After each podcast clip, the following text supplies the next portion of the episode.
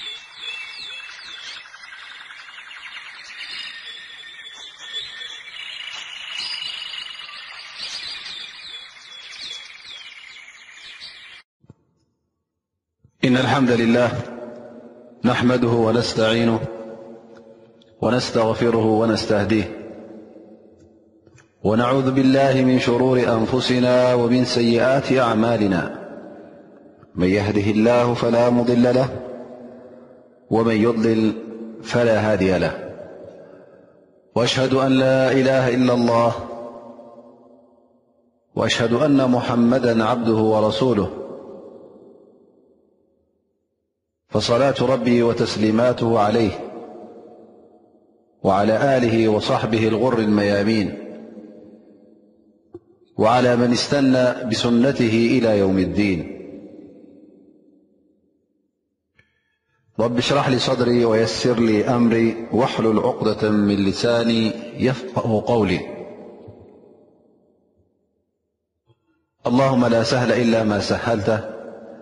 اللهم لا سهل إلا ما جعلته سهلا وأنت إذا شئت تجعل الحزن سهلا اللهم انفعنا بما علمتنا وعلمنا ما ينفعنا وزدنا علما والحمد لله على كل حال وبعد زخبركم أحوات خبرة أح السلام عليكم ورحمة الله وبركاته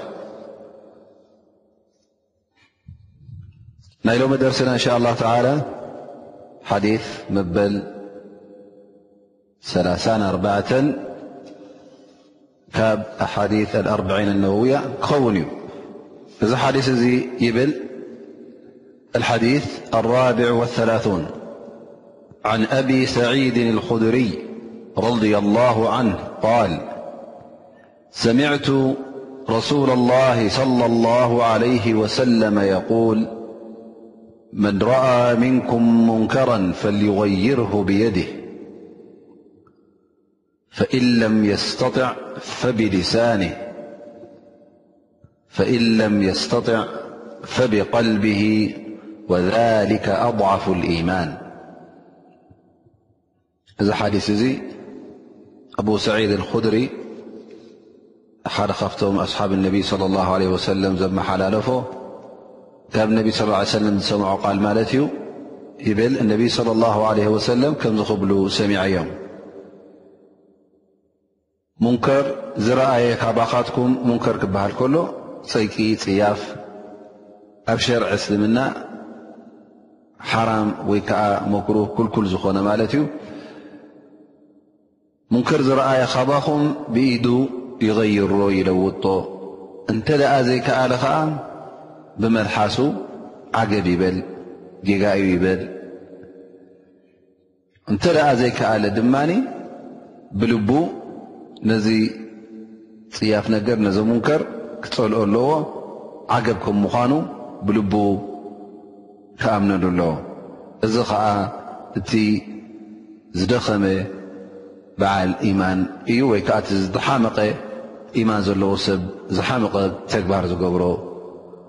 እዩ ኢሎም እነቢ ለ ላ ለ ወሰለም ጠቒሶም ማለት እዩ እዚ እቲ ሕፅር ዝበለ ትርጉም ናይ ዚ ሓዲስ እዚ ይኸውን እንሻ ላ ካብ ዝተረፈ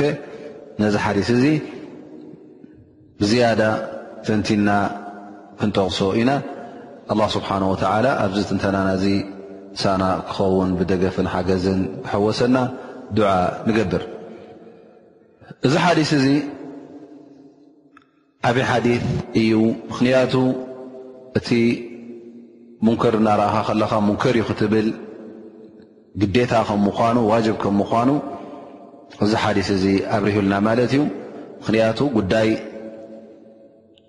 ኣምር ብልማዕሩፍ ወነሃይ ዓን ሙንከር ዝበሃል ማለት ሙንከር ርኢኻ ነዚ ሙንከር እዚ ዓገብ ዩ ክትብል ክተቕይሮ ክትልውጦ ወይ እውን ሰናይ ነገር ዘይግበር እንተ ኮይኑ እንተ ሰብ ገዲፎ ነዚ ሰናይ ተግባር እዚ ግበሩ ንኽትብል ግዴታ ከም ምዃኑ ዘብርህ ሓዲስ ስለ ዝኾነ እዚ ጉዳይ እዚ እውን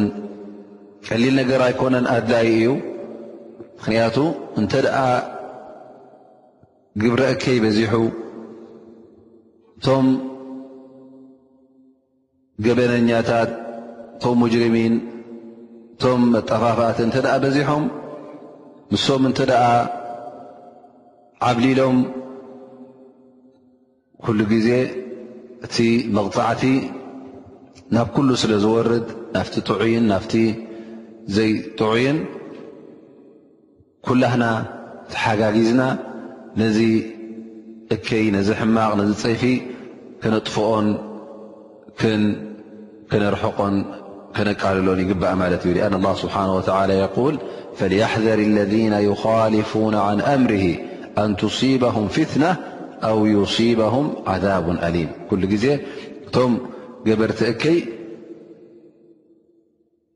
ካብቲ ትእዛዛት ኣላ ስብሓን ወተላ ካብ ትእዛዛት ነቢና ሙሓመድ ስ ሰለም ዝወፁ እዞም ሰባት እዚኦም ኣላ ስብሓን ወተላ ፊትና ፈተና ከውርደሎም ከም ምኳኑ ወይ እውን ስቓይ ዓዛብ ማለት መቕጻዕቲ ስቓይ ከውርደሎም ከም ምዃኑ ኣላ ስብሓን ወተዓላ ጠቒሱ እዩ ስለዚ እዚ ስለ ዝኾነ ነዚ መቕጻዕቲ እዚ ንኸይወርደና ኩላህና ኣብ መገዲ ክንጸንሕ ኣለና ነቶም ዝጋገዩ ዘለዉ ድማ ትጋገዩ ኣለኹም ክንብሎም ግዴታ ይኸውን እዚ ሓዲስ እዚ ኣቡ ሰዒድ ኣልኹድሪ ክጠቕሶ ከሎ ምኽኒት ነይርዎ ይብሉ ሓደ ግዜ መርዋን ሓላፊ ናይ መዲና እንከሎ ኣብ ሰላት ዒድ ሰላት ዒድ ክስገድ ተባሂሉ ኩሉ ተኣኪቡ እንከሎ እዚ መርዋን እብኒ ልሓከም ሓላፊ ናይ መዲና ዝነበረ ኣብቲ ግዜ እቲ ተሲኡ ኹጥባ ንኽገብር ቅድሚ ሰላት ናብ መንበር ደይቡ ሓደ ካብቶም ኮፍ ኢሎም ዝነበሩ ኣሰላቱ ቐብለ ኹጥባ ኢልዎ ማለት እዩ ሰላት ቅድሚ ኹጥባ እያ ናበይ ገፅካ ልኣካ ንኹጥባ ገፅካ ትውጃ ኢሉ ተዛሪብዎ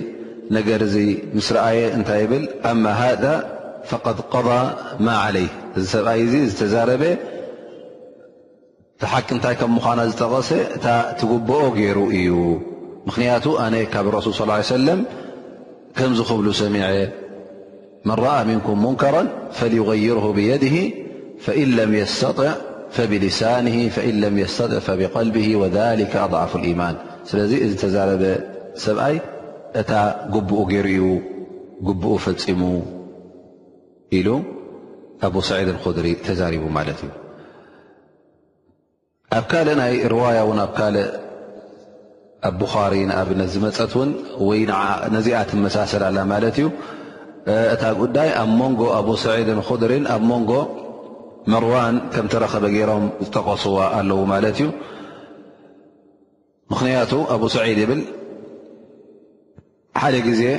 ኣብ ዒድ ፈጥሪ ድዩ ኣብ ዒድ ኣድሓ ኣብ ዒድ ዓረፋ ማለት ኣብ ግዜ መርዋን እብኒ ልሓከም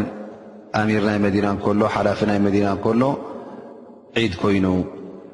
ኣብቲ ዒድ ዝስገደሉ ቦታ መፃና ድማ ኣብኡ ምስ ቀረብና ወይ ከ ኣብኡ ምስ መፃእና ኣብኡ ንፅበ ነርና ማለት እዩ ንሰላት ኢሉ መርዋን መፅኡ ናብታ መንበር ተሰራሓትሉ ናብኣ ደይቡ ኹጥባ ንክገብር ክኸይድ ምስ ረኣኽዎ ብክዳኑ ሰሒበዮ ይብል ምስተሓብኮ ንሱ ድማ ነፂጉኒ ከይዱ ደይቡ ኹጥባ ኸጢቡ ኢሉ ማለት እዩ ብኹጥባ ጀሚርዋ ማለት እዩ ኣብ ክንዲ ብሰላት ጅምራ ፈዳሕራይ እዛረቦ ማለት እዩ ኣቡ ሰዒድ ኣቡ ሰዒድ ይብሎ እንታይ ደኣ እቲ ሱና ናይ ነቢ ሙሓመድ ስ ሰለም ዝነበረ ቀይርኩም ኢሉ ይዛረቦ ማለት እዩ ፈትምልስ ኢሉ ኣባ ሰዒድ ስኻ ኣቡ ሰዒድ ዲኻ እዎ እቲ ትፈልጦ ነበርካ ቀደም ሕጂ የለን ከምቲ ቀደም የለን ኢሎ መሊሱሉ ማለት እዩ ኣቡ ሰዒድ እንታይ ኢሉ መሊሱሉ እቲ ኣነ ዝፈልጦ ዝነበርኩ ቀደም እሱ ይበልፅ ካብቲ ሕጂ ዝግበር ዘሎ ማ ኣዕለሙ ወላ ኸይሩን ምማ ላ ኣዕለም ካብቲ ዘይፈልጦ እቲ ዝፈልጦ ናይ ቀደም ይበልፅ ምክንያቱ ኣነ ካብ ነቢ ص ه ሰለም ዝፀንሐ ስለ ዝኾነ ኢሉ ይምልስ ማለት እዩ እንታይ ኢሉ መሊስሉ መርዋን እነ ናሰ ለም የኩኑ የጅልሱነ ለና ባዕድ ሰላት ፈጀዓልቱሃ قብለ ሰላة ኣነ ነዛ ክጥባ እዚኣ ኣብ ዒድ ቅድሚ ሰላት ዝገበርክዋ ምኽኒት ኣለኒ ንሱ ከዓ ሰባት ነታ ክጥባ ንክሰምዑ ኮፍ ስለ ዘይብሉ ሰላቶም ሰጊዶም ስለ ዝኾዱ ስለዚ ምእንቲሳ ሰላት ንክሰግዱ ኢሎም ስለ ዝፅበዩ ኣነ ቅድሚ ሰላት ገይረያ ነዛ ኹጥባ ኢሉ ተዛሪቡ ማለት እዩ ፈኢዘን እታ ጉዳይ ወይ ምስ ኣብ ሰዒድ ኹድሪ ተረኺባ ትኸውን ወይ ከዓ ኣብ ሰዒድ ኹድሪ እንከሎ እቲ ጉዳይ ተረኪቡ ይኸውን ወይ ከዓ ይብሉ ተን ጉዳይ ክል ኣብ ክልተ ሳዕያን ተረኺበን ኢሎም እቶም ዑለማእ ናይ ሓዲት ይጠቕሱ ማለት እዩ ኣብዚ ሓዲስ እዚ ክንርኢ እንከለና እነቢ صለ ላه ለ ወሰለም መን ረኣ ምንኩም ሙንከረን ፈልዩغይርሁ ብየድ ኢሎም ትእዛዝ ከመሓላልፉ ስለ ዝሰማዕና ስለዚ ይብሉ ዑለማእ እንካር ኣልሙንከር ብኢድካን ብመልሓስካን ክኸውን እንከሎ ክልተ ኩነታት ኣለዎ ይብሉ ሓደ ፈርድ ክፋያ ይኸውን ይብሉ ፈርድ ክፋያ ክበሃል ከሎ ድማ እንታይ ማለት እዩ እኹላት ሰባት ነዚ ነገር እዚ እንተ ደኣ ቆይሞምሉ እንተ ደኣ ነዚ ነገር እዚ ኣተግቢሮ እሞ እኹል ይኸውን ማለት እዩ ኩልኻ ኩሉ እስላማይ ኣይሕተተሉን እዩ እንታይ ደኣ እዞም ሰባት እዚኦም እኹላት ሰባት ኮይኖም ነዚ ጉዳይ እዚ እንተ ቆይሞምሉ እተ ተግቢሮሞ በቲ ሶም ዝገብርዎ ዘለዉ እቲ ዋጅብ እቲ ግዴታ ካብ ኩላህና ይተርፍ ግን እንተ እኹላት ሰባት ነዚ ነገር እዚ ዘይገበርዎ ግን እንታይ ይኸውን ማለት እዩ እቲ ዘንቢ እቲ ሕቶ እቲ ሓላፍነት ናብ ኩላህና ይሓልፍ ማለት እዩ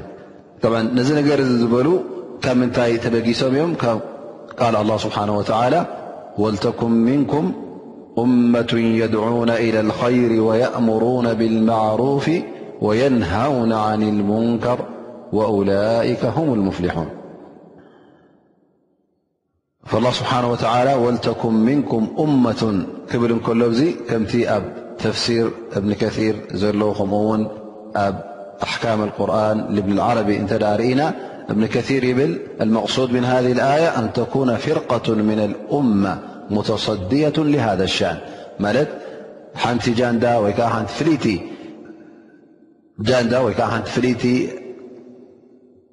ንበሎ እኩባት ሰብ ኮይኖም ወይ ከዓ ብመንግስቲ ተመዚዞም ኮይኑ ወይ ከዓ በቲ ህብረተሰብ ተመዚዞም ኮይኖም ነዚ ነገር እዚ ዘቑሙ ክህልዉ ኣለዎም ወልተኩም ምንኩም እመትን ክብለና ከሎ ኣይ ኣንተኩም ፍርቃ ምና ልእማ ገለ ካብታ እመት ሙሓመድ ካብታ እመት እስላም ነዚ ነገር እዚ ተገዲሳ ተቑሞ ክትህልዉ ከም ዘለዋ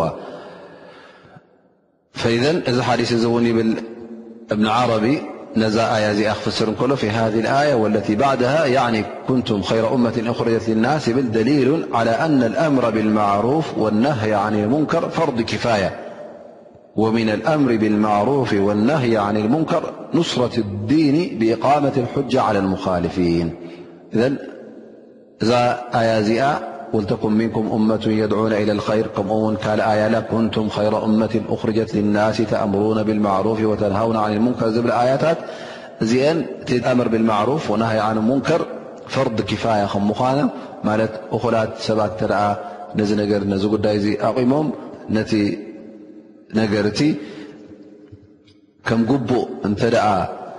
ሓላፍነቱ ተሰኪሞም እዞም ሰባት እዚኦም ኣብ ክንዲቲ ሙሉእ ህዝቢ እኹላት ይኾኑ ማለት እዩ። ኣላ ስብሓን ወተላ እውን ነቶም ተረፈ ኣይሓተሙን እዩ ምክንያቱ ነዚ ጉዳይ እዚ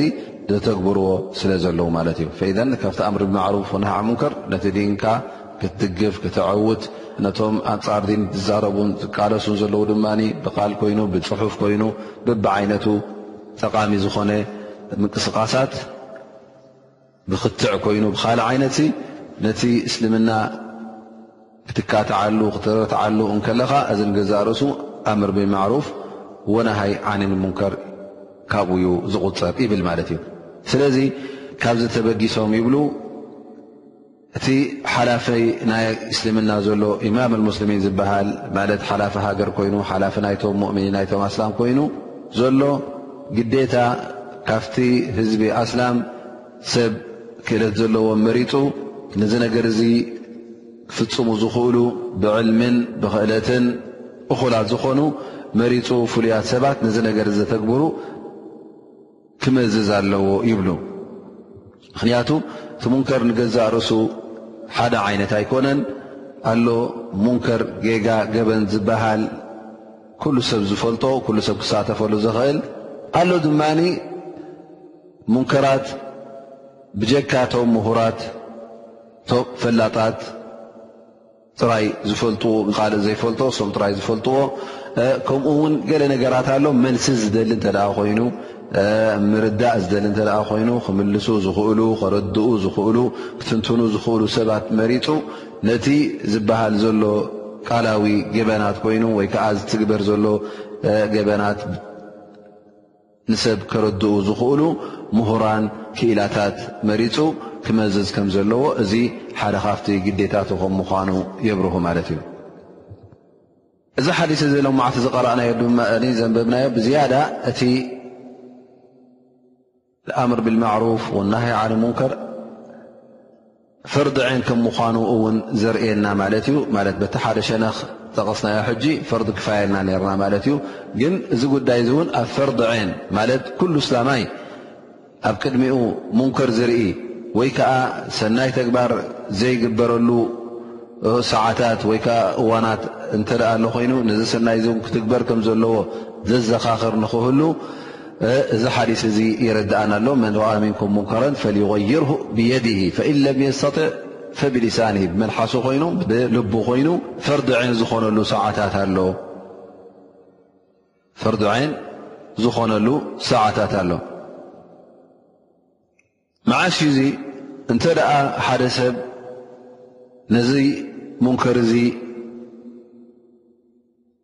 ብጀክኡ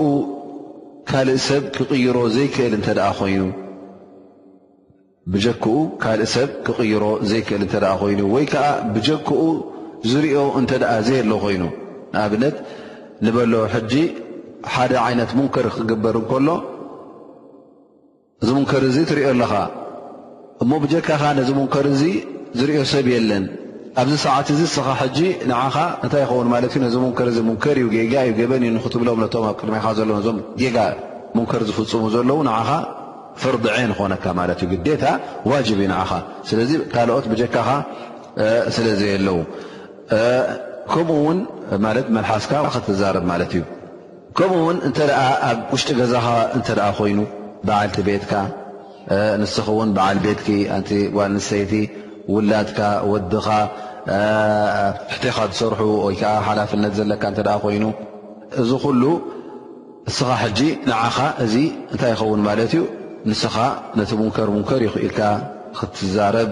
ነቲ ሙንከር ክተዐሪ ዋጅብ ይኮነካ ማለት እዩ ምኽንያቱ እስኻ ካብ ዝያዳ ነቲ ናይ ስድራ ቤትካ ሓላፍነት ትስከም፣ ኣብ ቅድሜኻ ዝግበር ዘሎ ብጀካ ውንኻ እውን ዝርኦ የለን፣ ንስኻን ደቅኻን ወይ ውላድካ ኮይኑ ወይ ከዓ ሰብትካ ኮይና ክትገብር ከላ እስኻ እኻ እቲ ዝቐረበ ሰብ ዘለኻ፣ ስለዚ ካብቲ ሙንከር ዓገብ ኢልካ ደው ከተብሎም ክትክልክሎም ዋጅብካ ይኸውን። ጠብዐን ከምቲ ዝጠቐስናዮ ቅድሚ ሕጂ እውን ደቂ ሰብ ነቲ ሙንከር ክሪኡ ከለዉ ሙንከር ክብሉ ከለዉ ሓላፍነት ናቶም እተፈላለየ ይኸውን ማለት እዩ ምክንያቱ እንታይ እዩ ዝፈላለዮ ናቱ ክእለት ይውስኖ ማለት እዩ ናቱ ክእለት እውን ከምቲ ዝበልናዮ ምናልባሽ ናይ ፍልጠት ጉደት ይህልዎ ኸውን ናይ ፍልጠት ናይ ዕልሚ ጉደት ይህልዎ ኸውን ላኪን ኣሎ ኣስላማይ ተራ ኣስላማይ እንተ ርእና ዝፈልጦ ነገራት ኣሎ ማለት እዩ ካብኡ ዘይሕባእ ነገር ማለት ኣሎ ሓራም ዝኾነ ኩላህና ዝኾነ ይኹን ኣስላማይ ተራ ኣስላማይ ዝፈልጦ ማለት እዩ ዝምውና መስተ ምስታይ ምስራቕ ሓሶት ምዝራብ እዚ ኩሉ ሓራም ከም ምዃኑ ኩሉ ኣስላማይ ይፈልጦ ማለት እዩ ስለዚ ኣብዚ ነገር እዚ ትሳተፍ ዝኾነ ይኹን ኣስላማይ ተራ ኣስላማይ ክሳተፍ ይኽእል ማለት እዩ ሓራም ከም ምዃኑ ክገልጽ ይኽእል ማለት እዩ ብመልሓሱ ኮይኑ ብተግባሩ ኮይኑ ክዛረብ ይኽእል ማለት እዩ ንቤተሰቡ ንስድርኡ ነዚ ነገራት እዚ ከፍልጦም ይኽእል ማለት እዩ ምክንያቱ ንሱ ዝፈልጦ ኣሎ ኣብ ዕልሚ ዝሰምዖ ኣብ ክጥባት ዝሰምዖ ኩላና ኣስላም እቲ ግዴታት ዝኾነ መብዝሕቱ ከፍር እዩ ንኣብነት ዝኾነ ይኹን ኣስላማ ይፈልጦ እዩ ግን ኣሎ ገለ ነገራት ድማ ብጀካቶም ዑለማ ዘይፈልጥዎ እስኻ እተ ዘይተምሃርካ ናይ ሸርዒ ናይ ዲን ኣልእስላም ብዙሕ ዕልሚ እተ ዘይተዓለምካ ኮንካ ዘይትፈልጦ ነገራት ክህሉ ይኽእል እዩ ስለዚ እቶም ዑለማ ድማ ናቶም ግደ ኣለዎም ማለት እዩ ተፈለየ ግደ ምኽንያቱ ከምቲ እነቢ ለ ላ ለ ወሰለም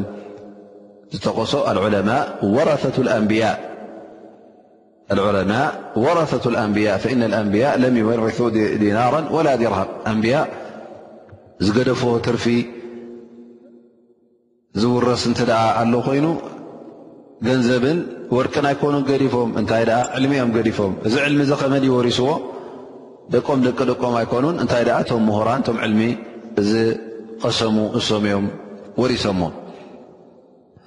ስለዚ ወረስቲ ኣንቢያ ስለ ዝኾኑ እዚ ዕልሚ እዚ ወሪሶም ተግባር ናይ ኣንቢያ ድማ ወሪሶም ማለት እዩ ኣንቢያ እንታይ ዩ ነይሩ ትቐንዲ ስርሖም ትቐንዲ ስርሖም ዳዕዋ ንሰብ ናብ ኸይር ይፅውዑ ካብ እከይ ድማኒ የላቕቑ ነይሮም ስለዚ እከይ ክርኢ ክትርኢ ከለኻ ኣንታ ዓልም ኣንታ ኣላ ስብሓን ወተላ ዕልምን ፍልጠትን ዝሃበካ ሰብ ኣብ ጌጋ ክወድእ ከሎ ያ ትጋገይ ኣለኹም ኣይፋልኩምን ኢልካ ትመልሶም እንተ ደኣ ካብ ር ገለ እውን የጉድሉ ኣለዉ ኮይኖም ነዚ ር እዚ ነዚ ሰናይ እዚ ነዚ ረቢ ዝፈትዎ ነገራት ክቕፅሉ ከም ዘለዎም ክገብርዎ ከም ዘለዎም ክርስዕዎ ከም ዘይብሎም ተዘኻኽሮም ማለት እዩ እዞም ዑለማእ እዞም ምሁራት እንተ ነዚ ነገር እዚ ዘይተገደስሉ ግን እንተ ኣፍኪሶም ሒዞሞ ግን እታ እማ ንገዛእ ርእሳ ጉድለት ክርከባ ማለት እዩ ጥራይ ንሶም ኣይኮኑን እንታይ ደኣ እቲ ኣሰር ናቶም ኣበይ ክረዩ ኣብ ሙሉእ ኣብ ሓፋሽ ህዝቢ ኣስላም ክረዩ ልክዕ ከምቲ ኣብ ዝባን ደቂ እስራኤል ዝወደቐ መርገምን ፋሕ ብትንን ክወድቕ ይኽእል ማለት እዩ ከምኡ ውን እቶም ሓለፍቲ ዝበሃሉ መራሕቲ ሃገር ኮይኖም ወይ ከዓ መራሕቲ ዓዲ ኮይኖም ማለት ናይ መንግስቲ ስልጣን ሒዞም ሰብ ስልጣን ማለት እዩ እሶም እውን ናቶም ሓላፍነት ኣለዎም ማለት እዩ ፍልይ ዝበለ ካብቶም ናይ ዑለማ ናይቶም ምሁራን ተፈለየ ማለት እዩ ምክንያቱ ንሶም እዞም ሰብ ስልጣን ክቐፅዑን ክኣስሩን ክወቕዑን ስለ ዝኽእሉ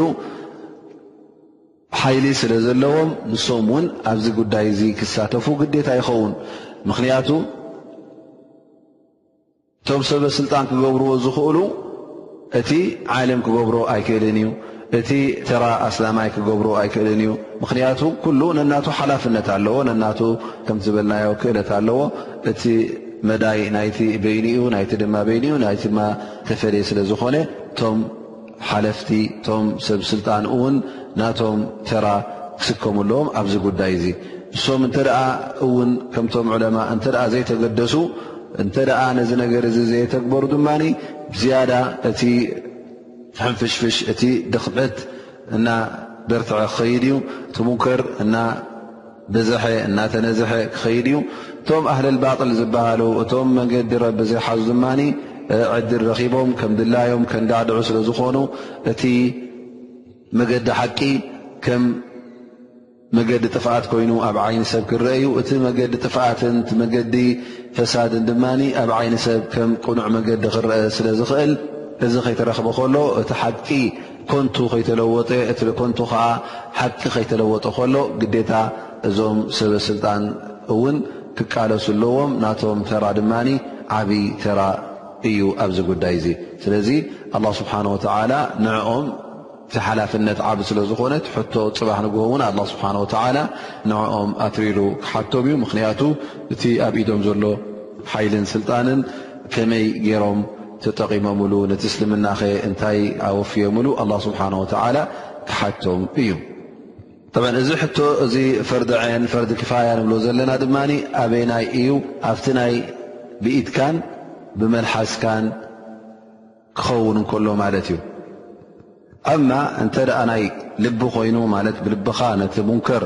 ሙንከር ኢልካ ክትኣምነሉ ሙንከር ኢልካ እውን ክትፀልኦ እንተ ደኣ ኮይኑ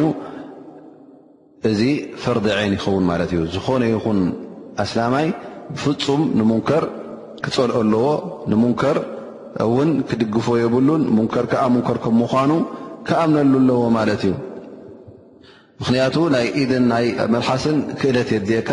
ሓላፍነት የድልየካ ኣማ ናይ ልብኻ እዚ ነገር እዚ ብፍጹም ክተርፍ ኣይክእልን ማለት እዩ። ምኽንያቱ ልብኻ መን ይኽልክለካ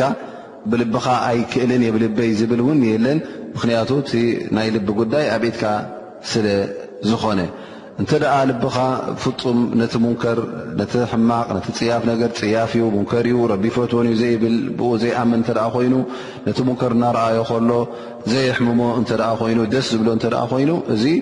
ልቢ እዚ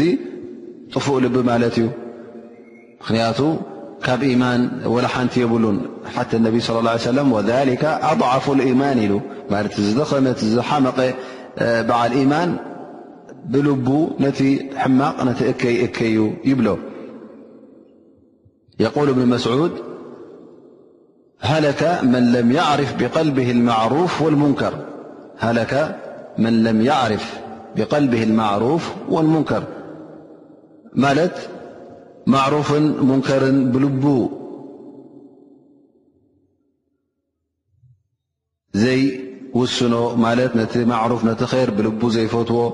ነቲ ሙንከር ነቲ እከይ ብልቡ ዘይፀልኦ እንተ ደኣ ኣሉ ኮይኑ እዚ ሰብ እዚ ጥፉእ ሰብ እዩ እዚ ሰብ እዚ ጥፉእ ሰብ እዩ ግን ናይ መልሓስን ናይ ኢድን ግን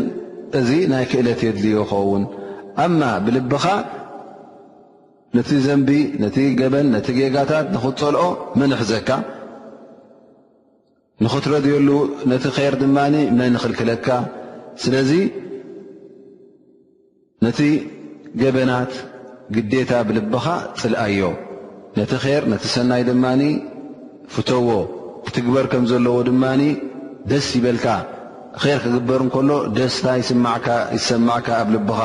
እዚ ትዝሓመቐ በዓል ኢማን እዩ ስለዚ ካብኡ ንላዕሊ ዝድለ ዘሎ ካባኻ ደኣ እምበር ካብኡ ንታሕቲ ኣይኮነን ስለዚ ዝኾነ ይኹን ባር ኣላ ግዴታ ሙንከር ክርኢ ከሎ ብልቡ ክፀልኦ ኣለዎ ብልቡ ደስ ክብሎ የብሉን ወላ እውን ብኢዱን ብመልሓሱን ኣይክኣል ዳኣ እምበር እታ ልቡ ግዴታ ነቲ ሙንከር ሙንከር እያ ኢላ ክትኣምን ኣለዋ ሙንከር እያ ኢላ እውን ክትፀልኦ ኣለዋ ማለት እዩ ስለምንታይ ናይ ልቢ እቲ ኣضዓፈ ኢማን እቲ ዝተሓተ ዝደኸመ ናይ ኢማን ምልክት ኮይኑ ምኽንያቱ ብልብኻ ንዝኾነ ይኹን ሙንከር ሙንከር ኢልካ ክትኣምነሉ ከለኻ ወይ ከዓ ሙንከር ኢልካ ውን ክትፀልኦም ከለኻ ትፍረናቱ ጥራይ ንዓኻ እዩ ማለት ናፍቲ ኣብ ቅድሜኻ ዘሎ ሙንከር ናብኡ ስለ ዘይሰግር ብኢድካን ብመልሓስካን ትሳተፎ ግን ነቲ ሙንከር ብኢድካ ወይ ከዓ ብመልሓስካ እዚ ጌጋ እዩ ኢድካ ክትዛረብ ከለኻ እቲ ሓቂ እንታይ ከም ምዃኑ ከተብርህን ከለኻ ክእለት ወይ ከዓ ስልጣን ረኪብካ እውን ባዕልኻ ነቲ ሙንከር ብኢድካ ከተልግሶን ከተርሕቆን ክትኣልዮን ከለኻ ድማ እዚ ዓብ ፋይዳኻ ጌርካ ዓብ ፍሬኻ ጌርካ ማለት እዩ መጀመርያ እንታይ እቲ ሓቂ እንታይ እቲ ጌጋ ኣብሪህካ እስኻ ኣጅሪ ረኺብካ ኣብ ርእሲኡ ድማ ነቲ ተጋጊ ዝነበረ ካብቲ ጌጋ ኣውፅእካዮ ማለት እዩ እቲ ቅድሚኡ ዝነበረ ጌጋ ወይ ከዓ እቲ ዝፍፅሞ ነበረ ጌጋ ስለ ዘርሓቅካዮ ስለ ዘልገስካዮ እነሀ እቲ ፍረናቱ ንዓኻን ነቲ ዝጋገ ዝነበረን ኮይኑ ማለት እዩ ስለዚ እቲ ሙንከር ብኢትካን ብመልሓስካን ክኸውን እንከሎ ፋይዳ ናቱ ዝዓበየ ይኸውን ሊክ እዚ ደረጃ ናቱ እነቢ ለ ላ ለ ሰለም ቀዳምነት ንዑ ሂቦ እቲ ዝሓመቐ ግን ናይ ልቢ ኢሎሞ እነቢ ለ ላ ለ ወሰለም ኣብዚ ጉዳይ እዚ ምናልባሽ ብዙሕ ሕቶታት ወይ ከዓ ብዙሕ ዘይቅኑዕ ርእቶ ክመፅእ ይኽእል ምናልባሽ ገለገለ ሰባት ነዚ ናይ ኣምር ብልማዕሩፍ ወናሃይ ዓን ልሙንከር ክጥቀስ እንከሎ ወይ ከዓ ክዝረብ እንከሎ ከም ግቡእ ዘይርድእዎ ይርከቡ ኾኑ እሞ ኸዓ ምስቲ ናይ ሽርዒ እስልምና ኣብ ቁርን ዝመፀ ኣያታት ምስኡ ዝገራጮ ገለ እውን ይመስሎም ይኸውን ንኣብነት ይብሉኻ እዚ ኣምር ብልማዕሩፍ ወናሂ ዓነ ሙንከር ትብሎ ዘለኻ ምናልባሽ ምስቲ ኣላ ስብሓን ወተዓላ ዝሃቦ ንወዲ ሰብ ነፃ ንክኸውን ሕርየ ሸክስያ ዝበሃል ቃዊ ናፅነቱ ይፃረር እዩ ምክንያቱ ኣላ ስብሓን ወተዓላ ኣብ ቁርን ላኢክራሃ ፊ ዲን ኢሉና ከምኡ ውን ነቢ صለ ላ ለ ወሰለም ምን ሑስኒ እስላም መርኢ ተርክ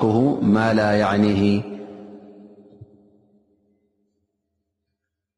ኢሉና እዩ እሞ ከመይ ጌርካ እዚስ ምስቲ ይፃርር ዶይኮነን ኢሉ ምናልባሽ ይደናገሮ ይኸውን ገለ ሰባት የደናግርዎ ይኾኑ ስለዚ ነዚ ክንርድኦ ዘለና ኣላህ ስብሓን ወተላ ላእክራሃ ፊ ዲኒ ቐድ ተበየነ ሩሽዱ ምና ልይ ክብል እንከሎ ገዲድካ ንሰብ ካብ ክሕደት ናብ እስልምና ንኸተእትዎ ብሓይሊ ኣይፍቀድን እዩ ሓደ ሰብ ኣነ ኣብ እስልምና ይኣቱ ነኢሉ ወይ ብቀደሙ እስላማይ ኣይነበረ ንክስታናይ ኮይኑ ቡዚን ኮይኑ ወይከዓ ኣይሁዳዊ ኮይኑ ይነብር ነዚ ሰብ እዚ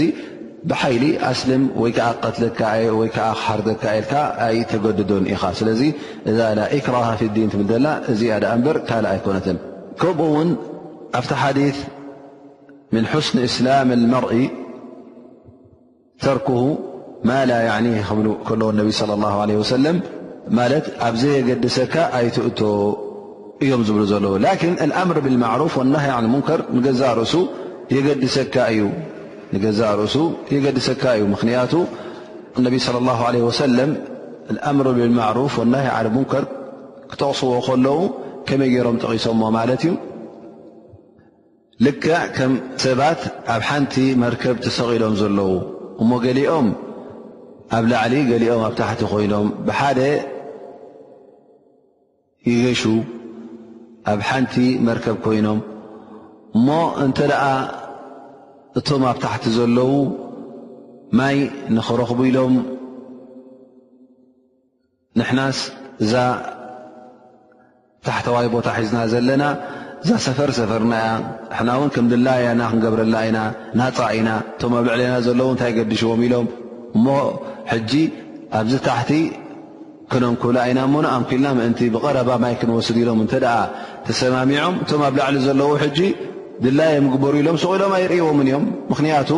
እንተ እዞም ኣብ ታሕቲ ዘለዉ ብታሕቲ ኣንኪሎማ ነዛ መርከብ እዚኣ ማይ ኣትዩ ጥራይ ነቶም ታሕቲ ዘለዉ ኣይኮነን ዝጎድእ ንመን ደኣ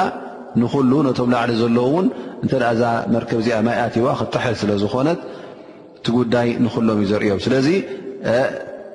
ላ ያዕኒህም ክበሃል ኣይግድሾምን እዩ ክበሃል ኣይክእልን እዩ ምክንያቱ ኩልኻ ኣብ ሓደ መርከብ ስለ ዘለኻ ስለዚ እቲ ሕብረተሰብ ኣስላም እውን ኣብ ሓንቲ መርከብ ስለ ዘሎ ዝኾነ ይኹን ጉድኣት እውን እንተ ክወርድ ኮይኑ ነቶም ማዕስያ ዝገብሩ ዘለዉ ጥራይ ናብቶም ሰብ ማዕስያ ኣይኮነን ዝወርድ ነቶም ሰባት ንኩሎም ክልክም ስለ ዝኽእል እቲ ሕብረተሰብ ንገዛ ርእሱ እውን እንተ ብከምዚ ዝኣመሰለ ዘይተሓልዩ እቶም ሙንከር ዝገብሩ እቶም ጌጋ ዝገብሩ እቶም ሕማቕ ዝደልዩ እንተ ተገዲፎም ነቲ ህብረተሰብ ከበላሽዉ ስለ ዝኽእሉ እሞ እቲ ብልሽውና እውን ናብ ነብሶም ጥራይ ዘይኮነ ናብቲ ካልእ እውን ክሰግር ስለ ዝኽእል እዚ ብልሽውና እዚ ከይተባዝሐ ከሎ ናብ ኩሉ ከይበፅሐ ከሎ ንኽትእግዶ ንኽትዓግቶ እዚ ንዓኻ ይርኢ ስለ ዝኾነ ፈሚን ሑስኒ እስላም ልመር ተርኩሁ ማላ ያዕኒ ክብሉ ከሎም ነቢ ስ ሰለም እዚ ነገር እዚ ኣይኮነን ምኽንያቱ እዚ ነገር እዚ የገድሸካ እዩ ከምኡ ውን ኣብ እስልምና እቲ ናጽነት ክበሃል እንከሎ ሕርያ ክበሃል እንከሎ ከም ድላይካ ግበር ኣይኮነን ኣይኮነን ዶ ብእስልምና ኣብ ኩሉ ሃገራት እንተ ርእና ኣብ ዝኾነ ይኹን ሃገር ኣብ ዝኾነ ይኹን ህብረተሰብ ኣብ ዝኾነ ይኹን ዓዲ ሕጊ ኣሎ ማለት እዩ እዚ ሕጊ እዚ እውን እንታይ እዩ ግበር ኣይትግበር እዩ ዝብለካ ስለዚ ሕጊ ክህሉ ከሎ ማለት እንታይ ማለት እዩ ፍኑ ናፅነት ዝበሃል ስዲ ናፅነት ዝበሃል የለን እንታይ ደኣ ዝኾነ ይኹን ናፅነት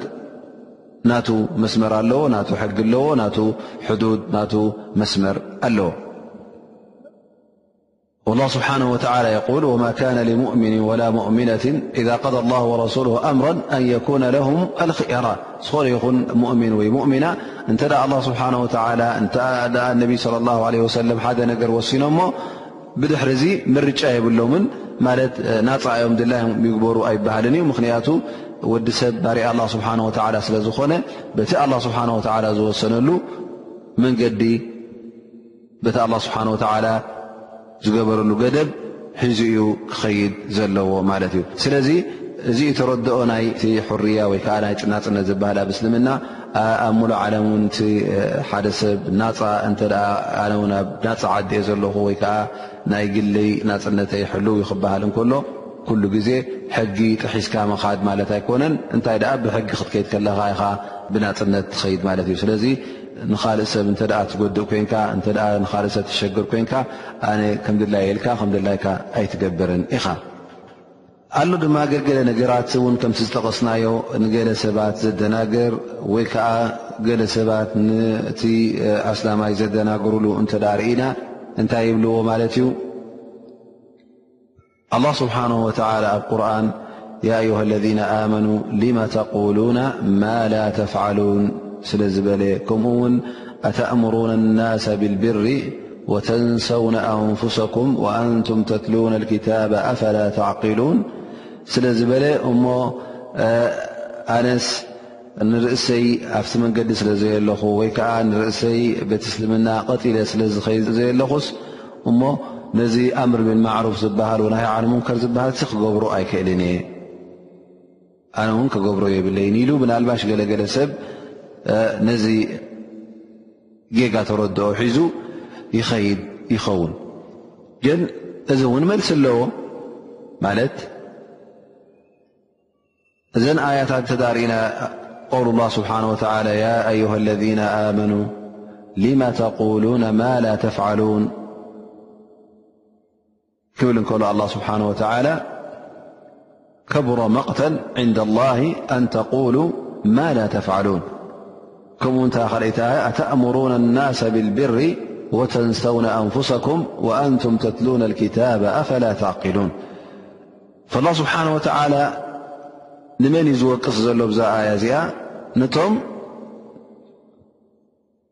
ጌጋ እናገበሩ ንኻልእ ሰብ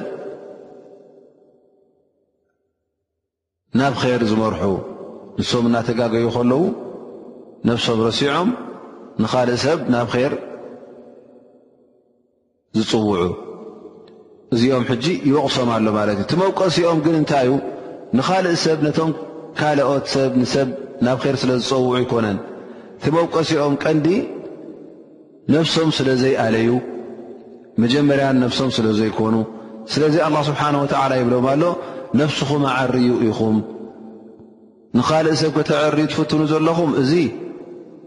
ሓደ ዋጅብ ፈፂምኩም ኣለኹም ግን እቲ ካብኡ ዝዓበየ ዋጅብ ድማ ኣሎ እሱ ከዓ ነብስኹም ንምዕራ እዩ ማለት እዩ እዘን እታ ጉዳይ እንታይ እያ ዘላ ማለት እዩ ክልተ ዋጅብ ኣሎ እቲ ሓደ ዋጅብ ዝወጅበካ ነብስኻ መገዲ ሓቂ መገዲ ር ሒዝካ ንክትከይድ ዋጅብ እዚ ሓደ ዋጅብካ ማለት እዩ እቲ ካልኣይ ዋጅብ ድማ ንካልእ ሰብ ናብ ር ንክትመርሕ ካብ እከይ ካብ ጌጋ ተቆጠቡ ንክትብል እንተ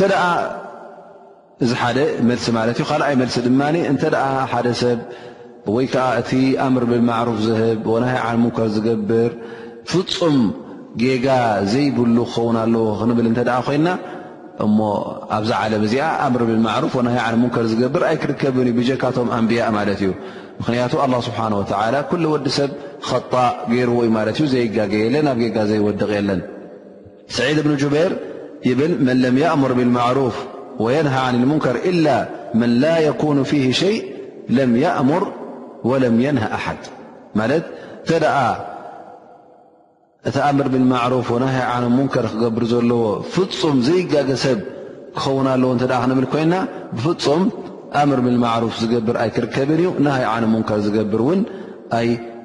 ክርከብን እዩ ስለዚ ወዲ ሰብ ሚቲ ካብ ሚቲ ሙሉእ ሰብ የለን ግን ኩሉ ግዜ ክጥንቀቕ ኣለዎ እቲ ኣምር ብማዕሩፍ ናይ ዓሙንከር ዝገብር ኣብ መገዲ ክፀንሕ ኣለዎ ብዝያዳ ድማ እንተ ደኣ ነዚ ጉዳይ እዚ ትግደሰሉ ኮንካ ማለት እቲ ኣምር ብማዕሩፍ ናይ ዓሙንከር ንሰብ ናብ ኼር ትመርሕ ኮንካ ንር ትዛረብ እተ ኮንካ ካብ እከይርሓቑ ትብል እተ ኮንካ እዚ ንገዛእ ርእሱ እውን ንዓኻ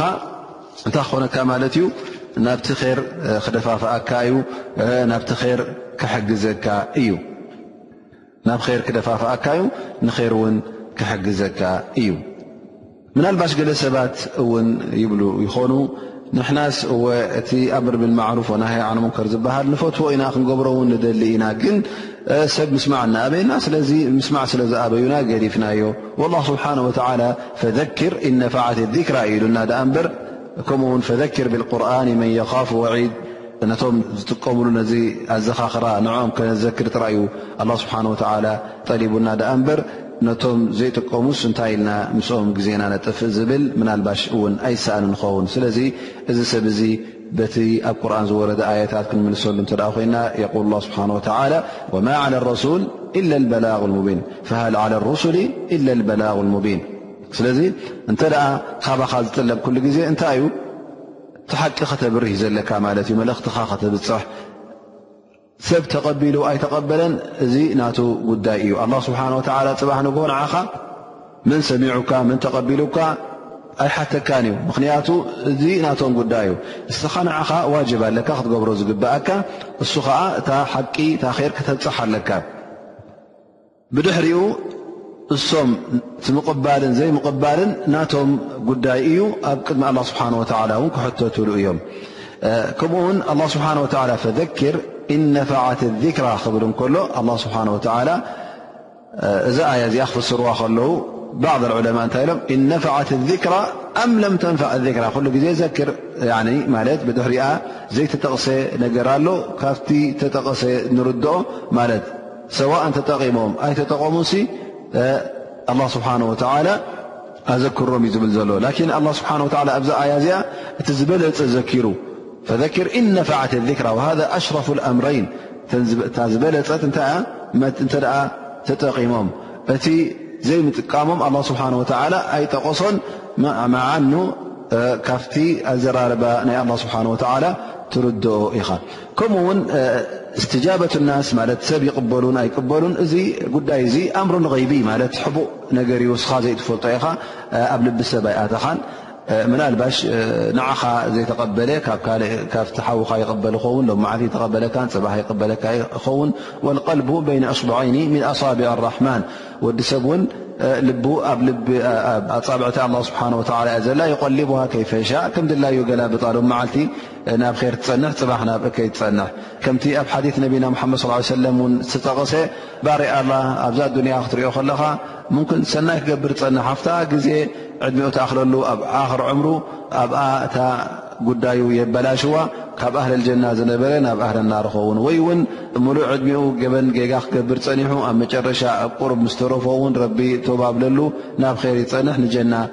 ይበሃል ማለት እዩ ስለዚ ከምቶም ኣንብያ ኣላ ስብሓን ወተላ እቶም ልኡኻን ኣላ ስብሓን ወተላ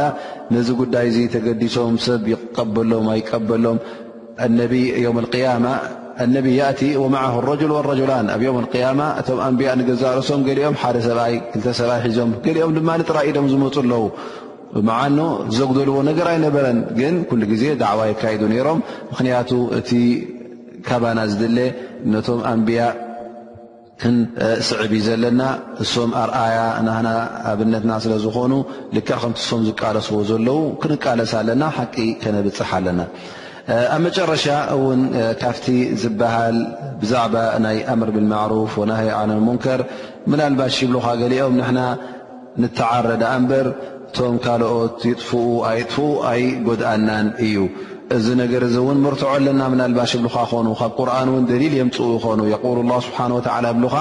ያ ኣዩሃ ለذነ ኣመኑ ዓለይኩም ኣንፍሰኩም ላ የضርኩም መን ضለ ኢዘ ህተደይቱም ላ የضርኩም መን ضለ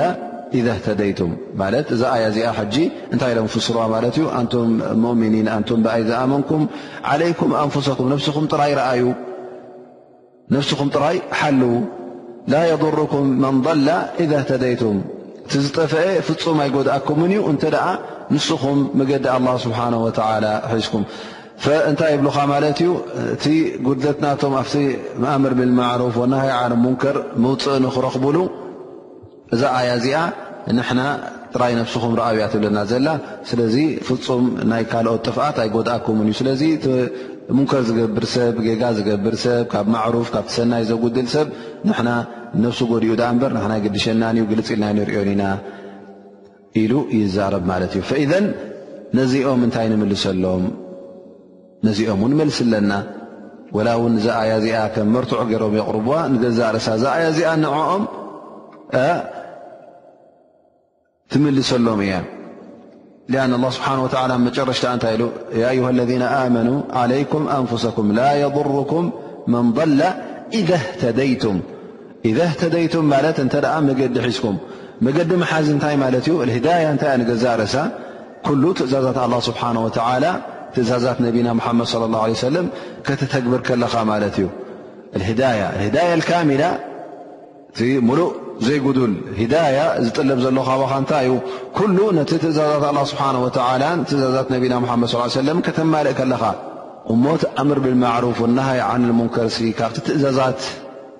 ኣላህን ካብ ትእዛዛት ነቢና ሙሓመድን ለ ላ ለ ሰለም ዶይኮነን ስለዚ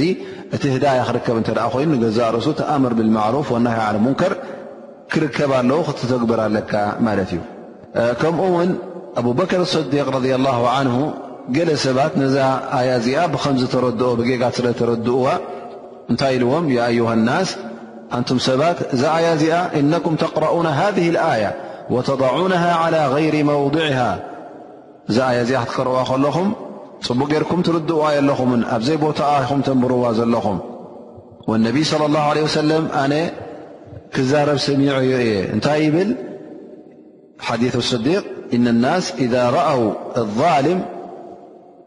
وفي روية إذا رأو المنكر ولم يأخذوا على يديه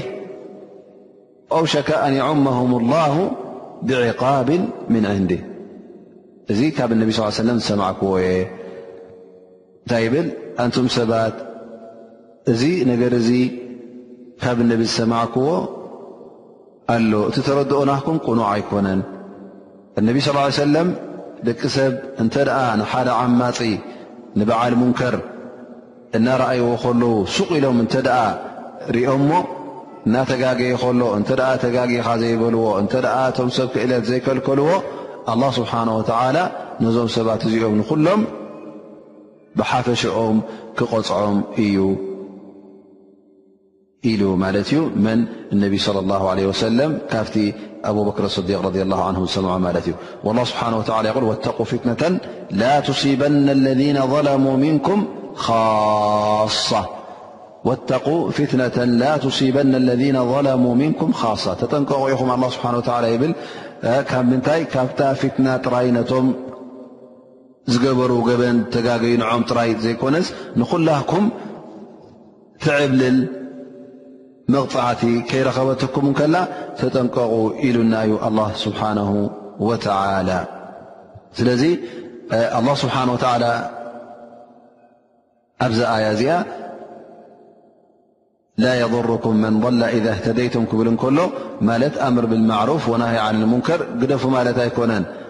እወ ኣብ ካልእ ኣያ እንተ ዳኣ ወላ ተዚሩ ዋዚረቱን ዊዝራ ኡኽራ ዘይዘንብኻ ኣይትስከምን ኢኻ እቲ ዘንቢ ዝገብር ዘሎ ዘንቡ ይኮንካ ንትስከም ዘለኻ እስኻ እንተ ደኣ እቲ ዘንቢ ናይቲ ገበነኛ እናረኣኻዮ ከለኻ ሱቕ ብምባልካ ናቱ ኢኻ ትስከም ዘለኻ ደኣ እምበር ትጌጋ እሱ ጌጋ ገይሩ ናይቲ ጌግኡ ክስከሞ እዩ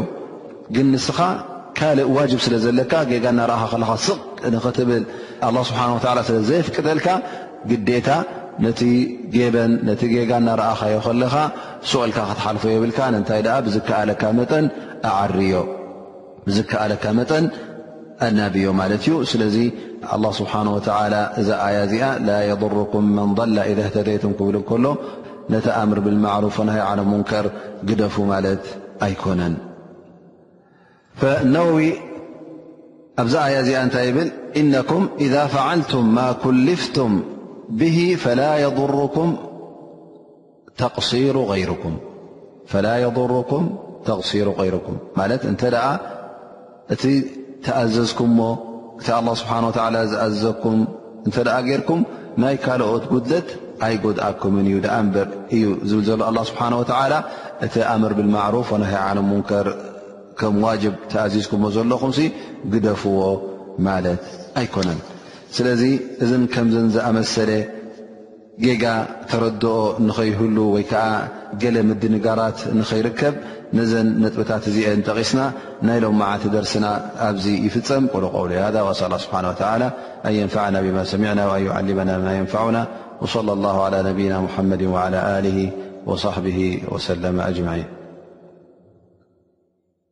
إن الحمد لله نحمده ونستعينه ونستغفره ونستهديه ونعوذ بالله من شرور أنفسنا ومن سيئات أعمالنا من يهده الله فلا مضل له ومن يضلل فلا هادي له وأصلي وأسلم على المبعوث رحمة للعالمين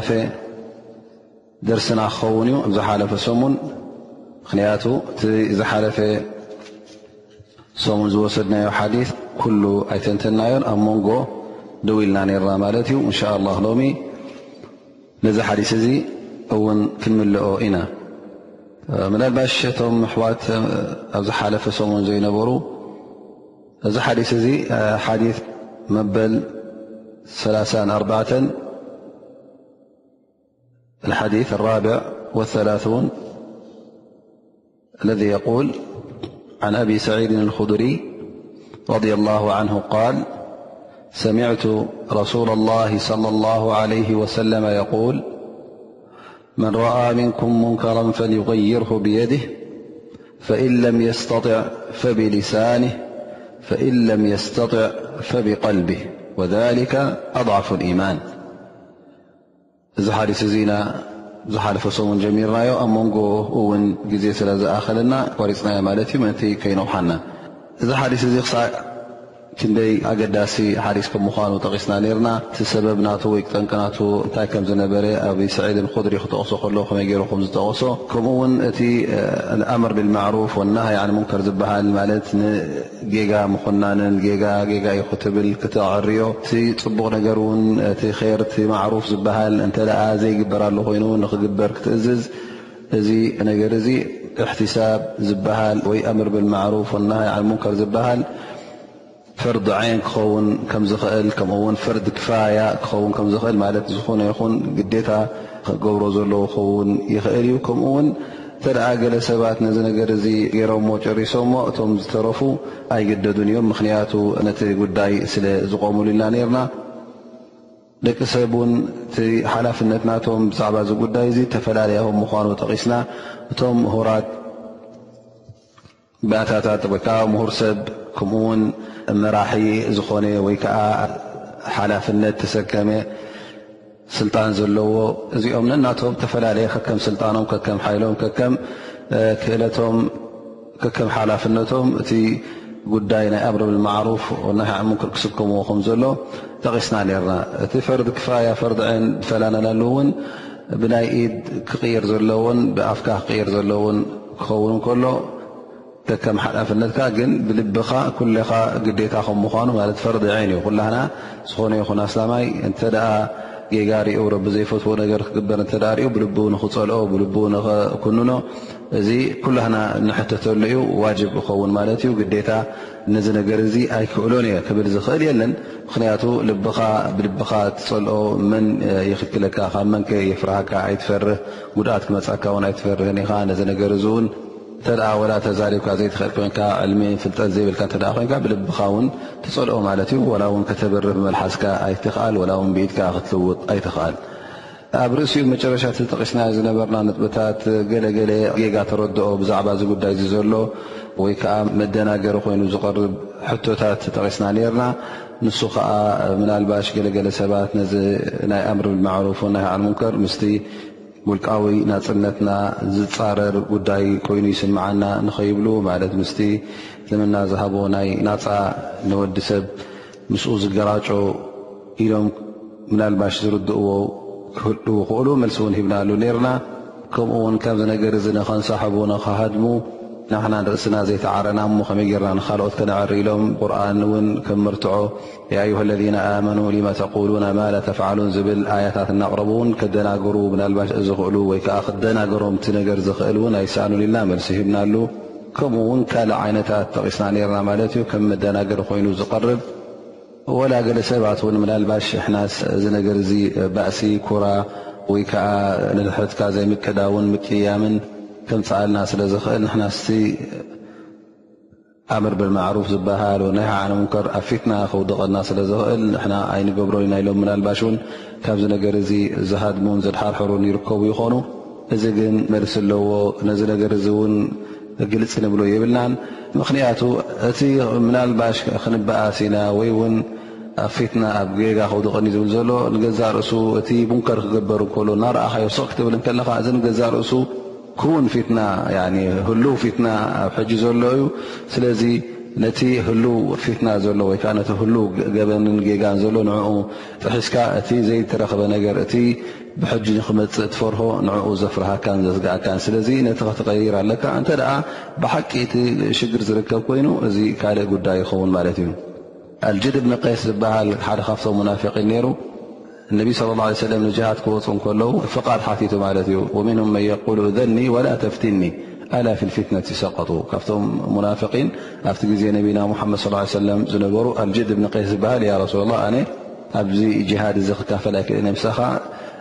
ኢሉ ስለምንታይ እንተበሎ ያረሱላ ኣነ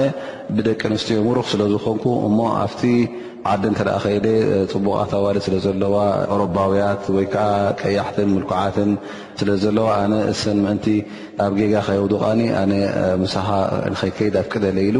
ተዛሪቡ ማለት እዩ ላኪን ኣላ ስብሓን ወተላ ነዚ ሰብ እዚ ከሺሕዎን ፈዲሕዎን ማለት እዩ ወሚንሁም መን የቁሉ እዘሊ ከማ ቃል ስብሓን ወተላ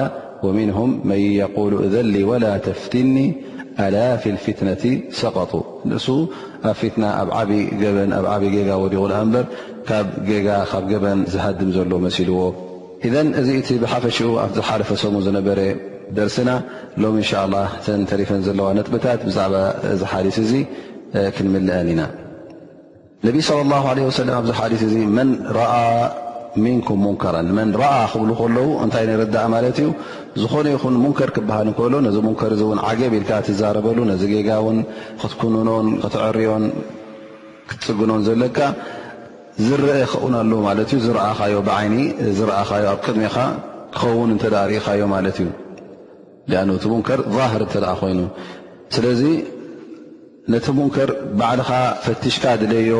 ኣይበሉናን ነቢ صለ ላه ለ ወሰለም ኣብ ዕፁው ገዛን ማዕፆ ሴርካ ኣቲኻ እንታይ ግበር ኣሎ እንታይ ገበን ካየዳ ኣሎ ወይ ከዓ መንደቕ ዘሊልካ እቶ ወይ ከዓ ፅን ኢልካ ኣብቲ ገዛ ስማዕ እንታይ እንታይ ግበር ኣሎ ተጀሰስ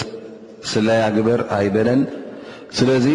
ነዚ ሙንከር ንክትደሊ ጌጋታት ንክትደሊ ንዑ ንክትዕርየልካ ስለያ ንክትገብር ወይ ከዓ መንደቕ ጥሒስካ ኣፍደገ ጥሒስካ ክትኣቱ ኣይተኣዘዝካን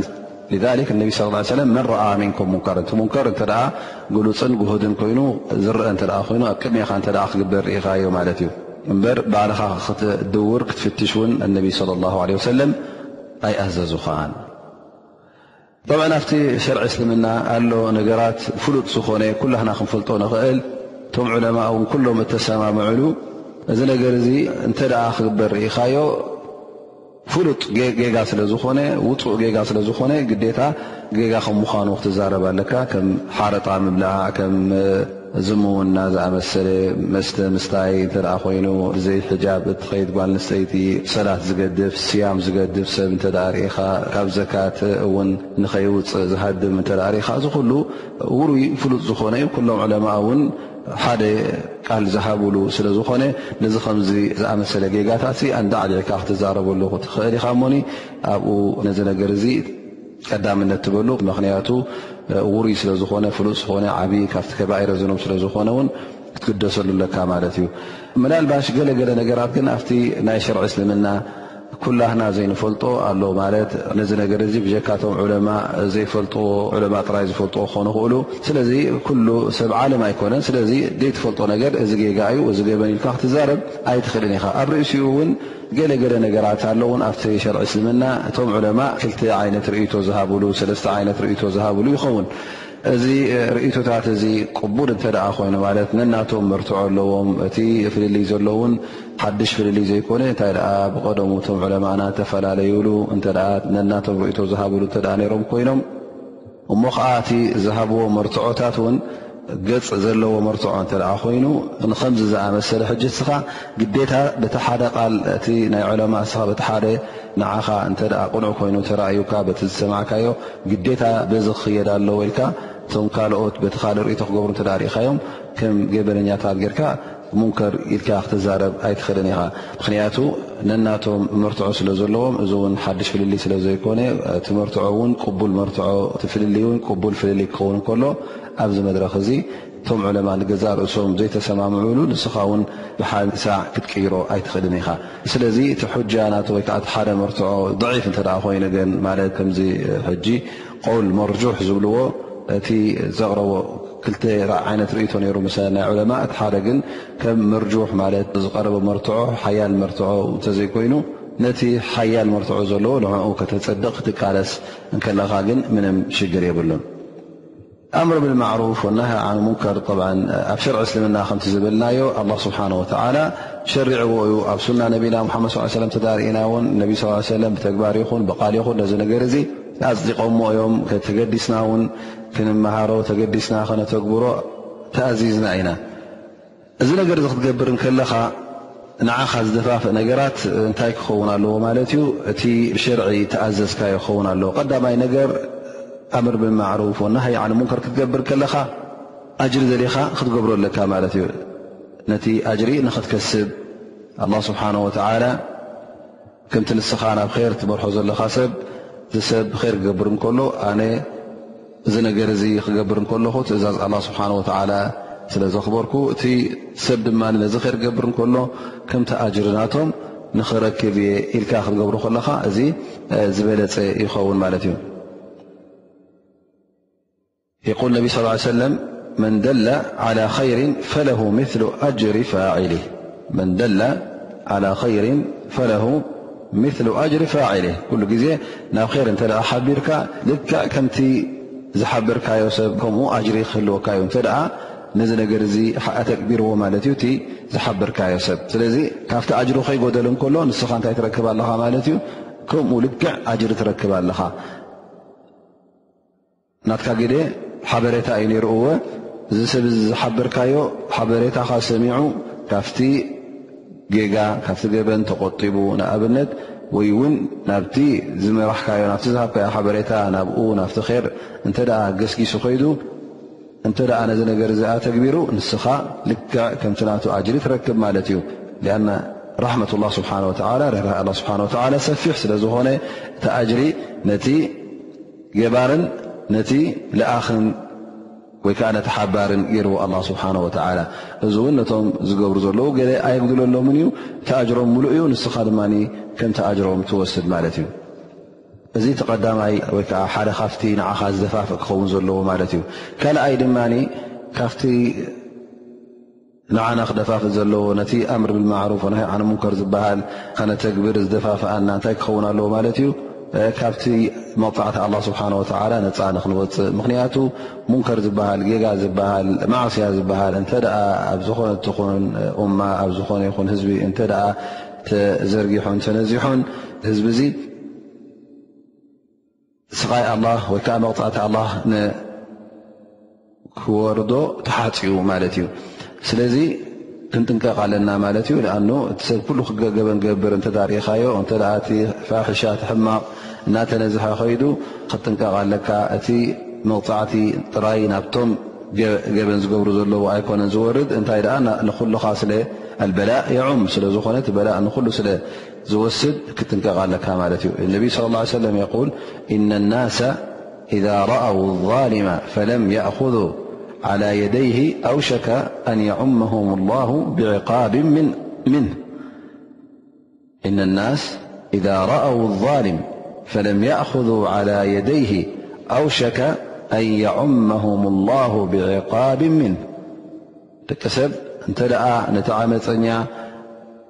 ሰብ እናዓመፀ ከሎ ዓመፅ እናገበረ ከሎ እንተ ሱቕ ኢሎም ሪኦሞ ዓገብ እንተ ዘይበሉ እንተ ይጋገለኻ ዘይበልዎ ኣላ ስብሓን ወተዓላ ንኹሎም ዕቓብ ንኸውርደሎም ይቀራረብ እዩ ማለት ንኹሎም እቲ ዕቓብ ወይ ከዓ እቲ መቕፃዕቲ ንኽወርዶም ይቀራረብ ኣሎ ማለት እዩ ስለዚ ከምቲ ኣላ ስብሓን ወተላ እውን ዝበሎ ወተቁ ፊትነተን ላቱሲበና ለذነ ظለሙ ምንኩም ኻሳ እዘን እቶም ዝዓመፁ ጥራይ ኣይኮነን መቕፃዕቲ ዝወርዶም እቶም ስቕ ኢሎም ዝርእዩ ዘለዉ እውን ክወርዶም ዩ መቕፃዕቲ ማለት እዩ ምክንያቱ እቲ ጌጋ ንቲ ገበን እና ተገብረ ከሎ እናተኻየደ ከሎ ስቕ ኢሎም ስለ ዝረኣዩ ኣላ ስብሓን ወተላ እቲ መቕፃዕቲ ናብ ኩሉ የውርዶ ማለት እዩ ከምኡ ውን ካብቲ ንዓኻ ክደፍኣካ ዘለዎ ናይ ኣምር ብልማዕሩፍ ወናሃይ ዓንልሙንከር ድማ እንታይ ክኸውን ኣለዎ ማለት እዩ ንስኻ እቲ ገበን ክካየድ ከሎ ጌጋ ኢልካ ክትብል ከለካ ክትዛረብ ከለኻ ቐንዲ ንዓኻ መበገሲኻ እቲ ቐንዲ ንዓኻ መኮረይኻ እንታይ ክኸውን ኣለዎ ማለት እዩ ሊላህ ክኸውን ኣለዎ ማለት እዩ ሊላህ ክኸውን ኣለዎ ማለት እዩ ቁጣዓኻ ምእንቲ ኣላ ስብሓን ወተላ ምክንያቱ ዝተገብረ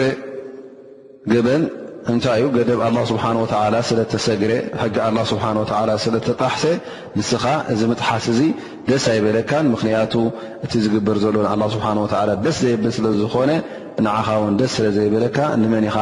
ተበጊስካ ማለት እዩ ንኣላ ስብሓን ወተላ ነቢይ ለ ላ ለ ሰለም ከምቲ ቅድሚ ሕጂ ዝቐራናዮ ሓዲ ፍጹም ምእንቲ ነብሶም ወይ ከኣ ንነብሶም ንክከላኸሉ ኢሎም ቁጥዑ ኣይነበሩን። መዓስ እዮም ዝቁጥዑ ነይሮም? እንተ ገደብ ኣላ ስብሓን ወላ ተጣሒሱ ሕጊ ኣላ ስብሓን ወላ እተ ተሰይሩ ሽዑ እዮም እንታይ ዝገብሩ ነሮም ይቁጥዑ ነሮም ብጣዕሚ ይኽርዩ ማለት እዩ። ምክንያቱ እቲ ተገበረ ንጉዳይ ሃይማኖት ስለ ዝትንክፍ ማለት እዩ። ፌደል እዚ እውን መበገሲ ክኸውን ኣለዎ ነቲ ኣምር ብማዕሩፍ ወናሃይ ዓን ሙንከር ክትገብር ከለኻ ምኽንያቱ እንተ ደኣ ንረኣዩለይ ስምዑለይ ኮይኑ ወይ ከዓ ነፍስኻ ንክክልኻል እተ ኮይኑ እዚ ነገር እዚ ሕጂ እንታይ ኣትወሎ ማለት እዩ ሩኡይ ኣትወሎ ማለት እዩ ወይ ከዓ ካብቲ እክላስ ናቱ ካብቲ ንፅህና ናቱ ይርሕቕ ኣሎ ማለት እዩ ከምኡ ውን ካብቲ መበገሲኻ ነቲ ኣምር ብልማዕሩፍ ወናሃይ ዓን ሙንከር ክትገብር ከለኻ እንታይ ክኸውን ኣለዎ ምኽሪ ነቶም ሙእምኒን ንምሃብ ምኽንያቱ እዞም ሙእምኒን እዚኦም እዞም ሰባት እዚኦም ኣሕዋትካ ስለ ዝኾኑ እሞ ኸዓ ሰናይ ናቶም ስለ ትፈቱ ስለ ዝራህራህካሎም ካብቲ ዘለዎ ጌጋ ወጺኦም ናብቲ ቅኑዕ መገዲ ንኽምለሱ ካብ እቲ ዝገብርዎ ዘለዉ ዘንቢ ካብኡ ርሒቖም ናብቲ መገዲ ኣጅርን መገዲ ጥዕናን ንኽምለሱ ድልት ስለ ዘለካ ምኽሪ ተቕርበሎም ማለት እዩ ምክንያቱ እቲ በዓል ገበንት ጌጋ ዝገብር ዘሎ ኩሉ ግዜ ነፍሱ ናበይ ዘቀራርባ ዘሎ ማለት እዩ ናብ መቕፃዕቲ ኣላ ስብሓን ወተላ ናብ ቁጣ ኣላ ስብሓን ወተላ የቕርባ ኣሎ ማለት እዩ እስኻ ድማ ግዴኻ ነዚ ሰብ እዚ ክትሕግዞ ኣለካ ሓገዝናትካ ድማ እንታይ እዩ ካብቲ ሒዝዎ ዘለዎ መንገዲ ካብኡ ንኸተላቕቆ ካብኡ ንኸተውፅኦ ማለት እዩ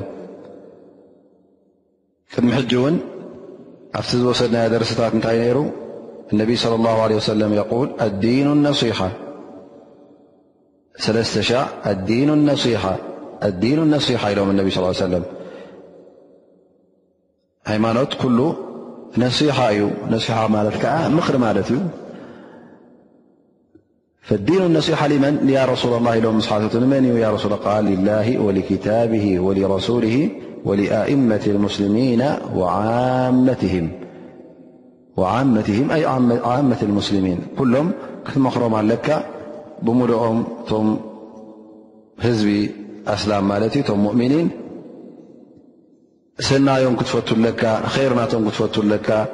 ሕማቕ ክወርዶም ደስ ክብለካ የብሉን ስለዚ ካብዚ ነገር እዚ ክተውፅኦም ከለኻ ሰናይ ናቶም ስለ ዝደለኻ ኢኻ ካብ መገዲ እከይ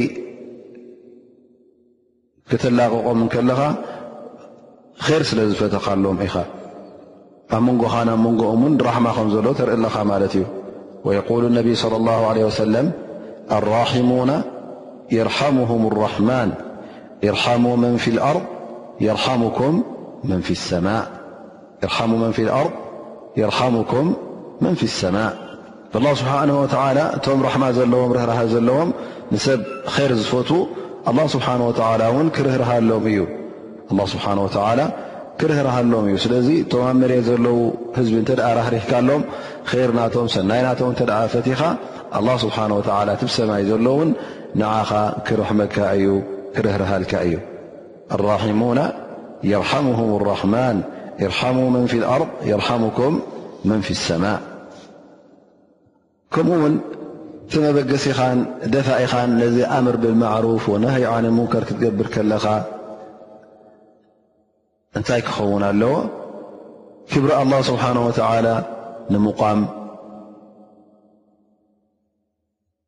ልኡልነት ኣላ ስብሓን ወተላ ንምሕላው ምኽንያቱ ኣላ ስብሓን ወተላ ኩሉ ግዜ ክንምእዘዙ ኣለና ዝኣዘዘና ክንፍፅም ኣለና ምኽንያቱ ንሱ ልኡልን ክቡሩን ስለ ዝኾነ ትእዛዝናቱ ድማ ልኡልን ክቡሩን እዩ ሞኒ ነቲ ትእዛዝ እንተ ኣኽቢርካ እንተ ኣቑምካ ንኣላ ስብሓን ወተላ ተኽብር ኣለኻ ማለት እዩ ምኽንያቱ ቃሉን ትእዛዛቱን እሽልካ ትቕበል ኣለኻ ማለት እዩ እቲ ነዚ ትእዛዛት እዚ ዘይሰምዕ ነዚ ትእዛዛት እዚ ዘየቀውም ግን ንኣላ ስብሓን ወተላ ብጣዕሚ ደፊርዎ ማለት እዩ ድፍረት እዩ ዝቁፅር እቲ ከምዚ ጌርካ ንኣላ ስብሓን ወተላ ዝሃበካ ትእዛዝ ዘይምቕባል ንዑ ደፍሮ ኣለኻ ማለት እዩ ወላ እቲ ቃል ናቱ ትእዛዝ ናቱ ቅጭጫ ይበለካን ማለት እዩ ስለዚ እቲ ኣስላማይ ብሓቂ ዝበሃል ንኣላህ ስብሓን ወተዓላ ብኹሉ ክእለቱ ኩሉ ክቡርን ልኡልን ነገራቱ ንኣላህ ስብሓን ወተዓላ ክፈድዮ ኣለዎ ማለት እዩ ትእዛዝ ኣላ ስብሓን ወተዓላ ንክቀውም ለይትን መዓልትን ክቃለስ ኣለዎ ነቢይ صለ ላه ለ ወሰለም ምእንቲ እዚ ሃይማኖት እዚ ንምቛም ዝወርዶም ዝነበረ ጉድኣት ቀሊል ኣይነበረን ከም ነቢይ صለ ላ ለ ወሰለም እውን ተጎድአ የለን ኣንብያ ኣላ ስብሓን ወተላ ኩሎም እውን ናብ ህዝቢ ንምብፃሕ ብዙሕ ሽግራት ኣጓኒፍዎም እዩ ብዙሕ ጉድኣት እውን ወሪድዎም እዩ እቲ ጉድዓት እናወረዶም ከሉ ድማ متى يقبلونيرم برجوء لبي يقبلونرم فم كف تعجستي أيون يقول عبد الله بن مسعود - رضي الله عنه- قال كأني أنظر إلى رسول الله - صلى الله عليه وسلم يحكي نبيا من الأنبياء صلوات الله وسلامه عليه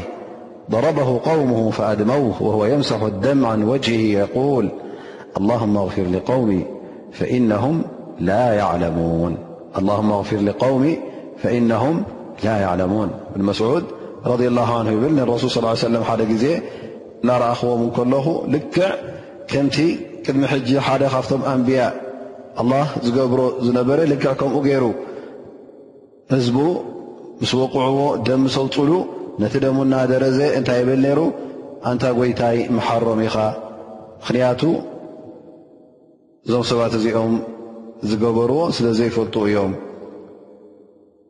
ዘይምፍላጥ እዩ ከምዚ ገይርዎም ኣላሁማ ኣፊር ሊቀውሚ ፈኢነሁም ላ ያዕለሙን ኣንታ ጎይታይ ነዞም ህዝበይ እዚኦም መሓሮም ኢኻ ምኽንያቱ ዝገብርዎ ዘለዉ እንታይ ከም ምዃኑ ኣይፈለጡን ኢሎም እነቢይ ስለ ላ ለ ወሰለም እዛረቡ ነይሮም እን እዚ ነገር እዚ ክትገብር ከለኻ ክትፍፅም ከለኻ ክብሪ ንኣላ ስብሓን ወተዓላ ስለ ዝኾነ ብዙሕ ሽግራት ን ተወረደካ ፀቕጢ እንተመፀካ እውን ክትስከሙ ኣለካ ማለት እዩ ምእንቲ ምንታይ ምእንቲ ክብሪ ኣላ ስብሓን ወተዓላ ንምቛም ሙንከር ወይ ጌጋ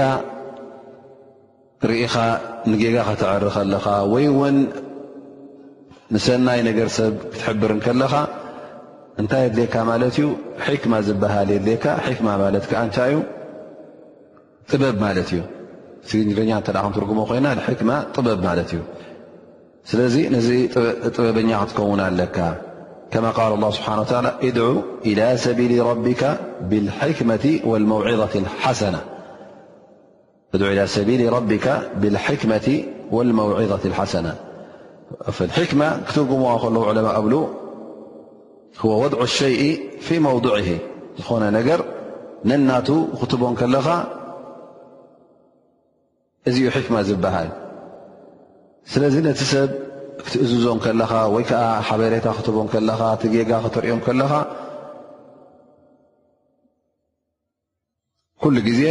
ቀዳማይ ነገር ናብቲ ፅቡቕ ዘረባን ህድኣትን ጌርካ ብፅቡቕ መልሓስ ክትዛረቡ ኣለካ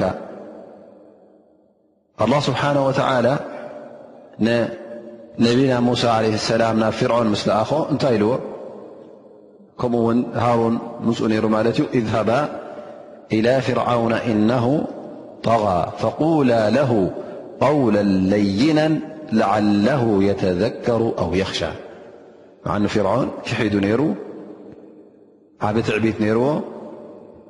ዘረባ ዝቕበል ኣይኮነን ነይሩ ግን ኣላ ስብሓን ወተዓላ መጀመርያ ክእዝዞም እንከሎ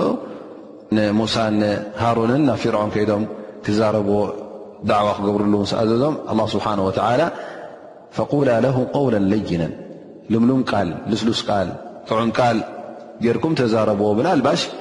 ናብ ሓቂ ይምለስ ዝኸውን ካብ ኣላ ስብሓን ወተላ ካብ ጎይትኡ እውን ይፈርህ ይኸውን ኢሉ ኣላ ስብሓን ወተላ ኣዚዝዎም ማለት እዩ ስለዚ እቲ መጀመርያ ክትዛረብ እንከለኻ ተጓይኻ ክትንድር ክትሓርቕ የብልካን እንታይ ደኣ ፅቡቕ ዘረባ ጌርካ ክትዛረብ ኣለካ ማለት እዩ ግን ሓደ ሓደ ግዜ እውን ነቲ ነገር ብሓይሊ ክትምልሰሉ ብሓይሊ ክትዛረቦ እውን የድሊ ይኸውን ግን እዚ ከዓ ቦትኡ ኣለዎ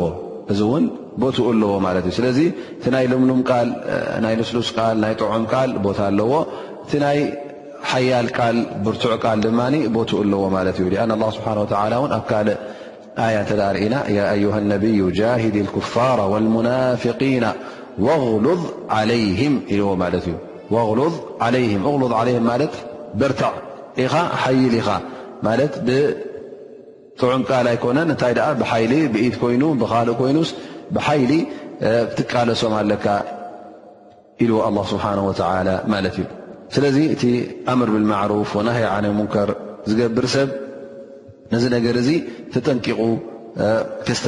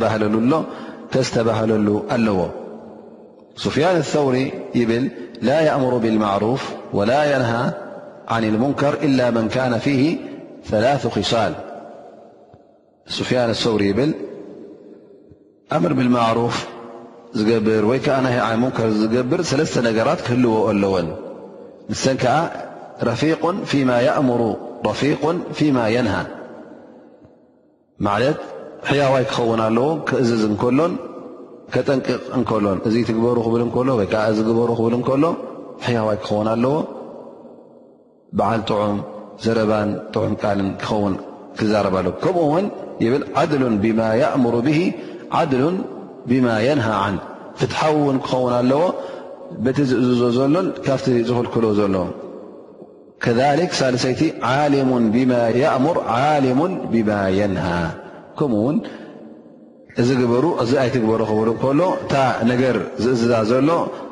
እንታይ ከም ምዃና ክፈልጣ ኣለዎ ማለት እዩ እታ ዝጠንቀቕ ዘሎ እውን ብዛዕባ እንታይ ከም ምዃና ክፈልጣ ኣለዎ ማለት እዩ ማለት ካብ ድንቁርና ተበጊሱ ይኮነን እንታይ ኣ ካብ ፍልጠት ተበጊሱ ኣምር ብልማዕሩፍ ወናሂ ዓን ሙንከር ክገብር ኣለዎ ማለት ምክንያቱ እተ ዘይፈልጥ ኮይኑ نب كجج بر ير ن قنع كملس أيكن ت كفت ل قنع مند ن كطفم والإمام أحمد رحمه الله بل يأمر بالرفق والخضوع فإن أسمعوه ما يكره لا يغضب فيكون يريد أن ينتشر لنفسه ወዲ ሰብ ኩሉ ግዜ ኣምር ብማዕሩፍ ወናህ ዓ ሙንከር ክገብር ከሎ ብህድኣትን ርግኣትን ጥዑም መልሓስን ክገብሩ ኣለዎ ምናልባሽ እቶም ትዛረቦም ዘለኻ ሰባት እቶም ተጋጊኹም ትብሎም ዘለኻ እቶም ተብርሃሎም ዘለኻ ሕማቕ የስምዑካ ይኾኑ ሕማቕ መልሲ ይምልሱልካ ይኾኑ ወላ እንተመለሱልካ ክትኩሪ የብልካ ምኽንያቱ እንተደኣ ኮሪኻ ምናልባሽ ካብቲ ዝነበርካዮ ኢኽላስ ወፂእካ ኣብ ክንዲ ምእንቲ ኣላ ስብሓን ወተላ ተቖጢዕካ ዝነበርካ ምእንቲ ነብስኻ ተቖጢዕካ ክትምልሰሎም ምእንቲ ከይትኣቱ ምክንያቱ ሕሶም ሕጂ ንኣብነት እዚ ንዝን ጌጋ ኢልካዮም መፅኦም እሶም ሕማቕ ዘረባ ስሚዖም ኻ ተፃሪፎም ኻ እንተ ክትፀርፎምን ብከምኡ ክትምልሰሎምን ኮንካ ሕጂ ንነብስኻ ኢኻ ትከላኸለላ ዘለኻ ማለት እዩ ንነብስኻ ኢኻ ትቑጣዓላ ዘለኻ ስለዚ ካብቲ መስመር ምእንቲ ከይትወፅእ ወላ እውን ሕማቕ እናስምዑኻ ከለዉ ንስኻ ብሕማቕ ዘረባ ሕማቕ ከተስምዖም የብልካን ወዲ ሰብ ኩሉ ግዜ ብጥዑም መልሓስ ብህድኣትን ብርግኣትን እንተ መፅእካዮ እሰምዓካ እዩ ንክሰምዕካ እውን ቅሩብ እዩ ኢላ ሓደ ክልተ እንተዘይኮይኑ መብዝሕቱ ሰብ ጥዑም መልሓስ ኣነ ይፀልየ ዝብል የለን ወላ እውን እቲ ዝፃረፍ ሰብ ወላ ውን እቲ ክፉእ ሰብ ኩሉ ግዜ ንነብሱ ኣብ ነብሱ ክትመፁ ከለካ ጥዑምን ጥዑም መልሓስን ጥዑም ዘረባን እዩ ዝፈቱ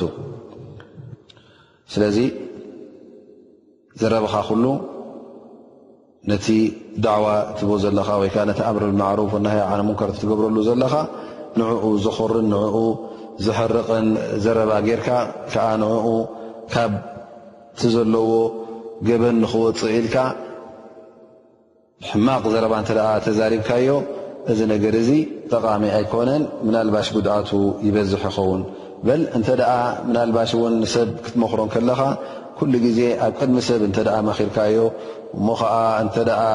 ጌጋ ትገብር ኣለኻ ኢልካዮ እንተ ሰብ ሰሚዑ እዚ ሰብ እዚ እቲ ዝትብሎ ዘለካ መናልባሽ እውን ኣይቅበሎን ይኸውን ስለዚ ነስሓ ክትህብ ከለኻ ክትመክሮ ከለኻ ኣብ መንጎኻን ኣብ መንጎኡን ቐስ ጌርካ ክትመፁ ከለኻ እዚ ብዝያዳ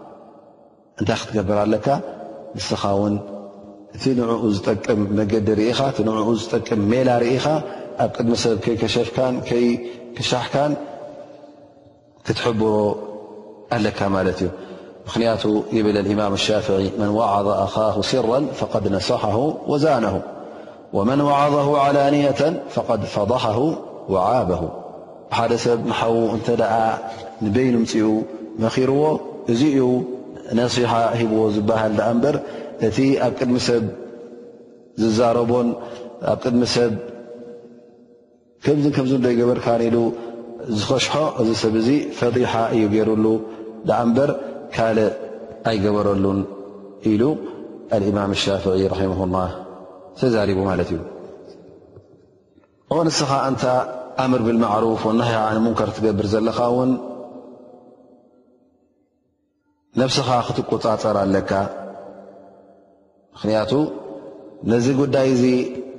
ተሰኪምካ ክትከይድ ከለኻ ኩሉ ሰብ ኣዒንቱ ናባኻ ክኸውን እዩ ኣዒንቱ ናባኻ ከፍጥጥ እዩ ስለዚ ኩሉ ግዜ ኣብ መንገዲ ክትፀንሕ ኣለካ ነቲ ሙንከር መጀመርያ ንስኻ ክትርሕቕ ኣለካ ነቲ ር ድማ ኣቐዲምካ ንስኻ ክትገብሮ ኣለካ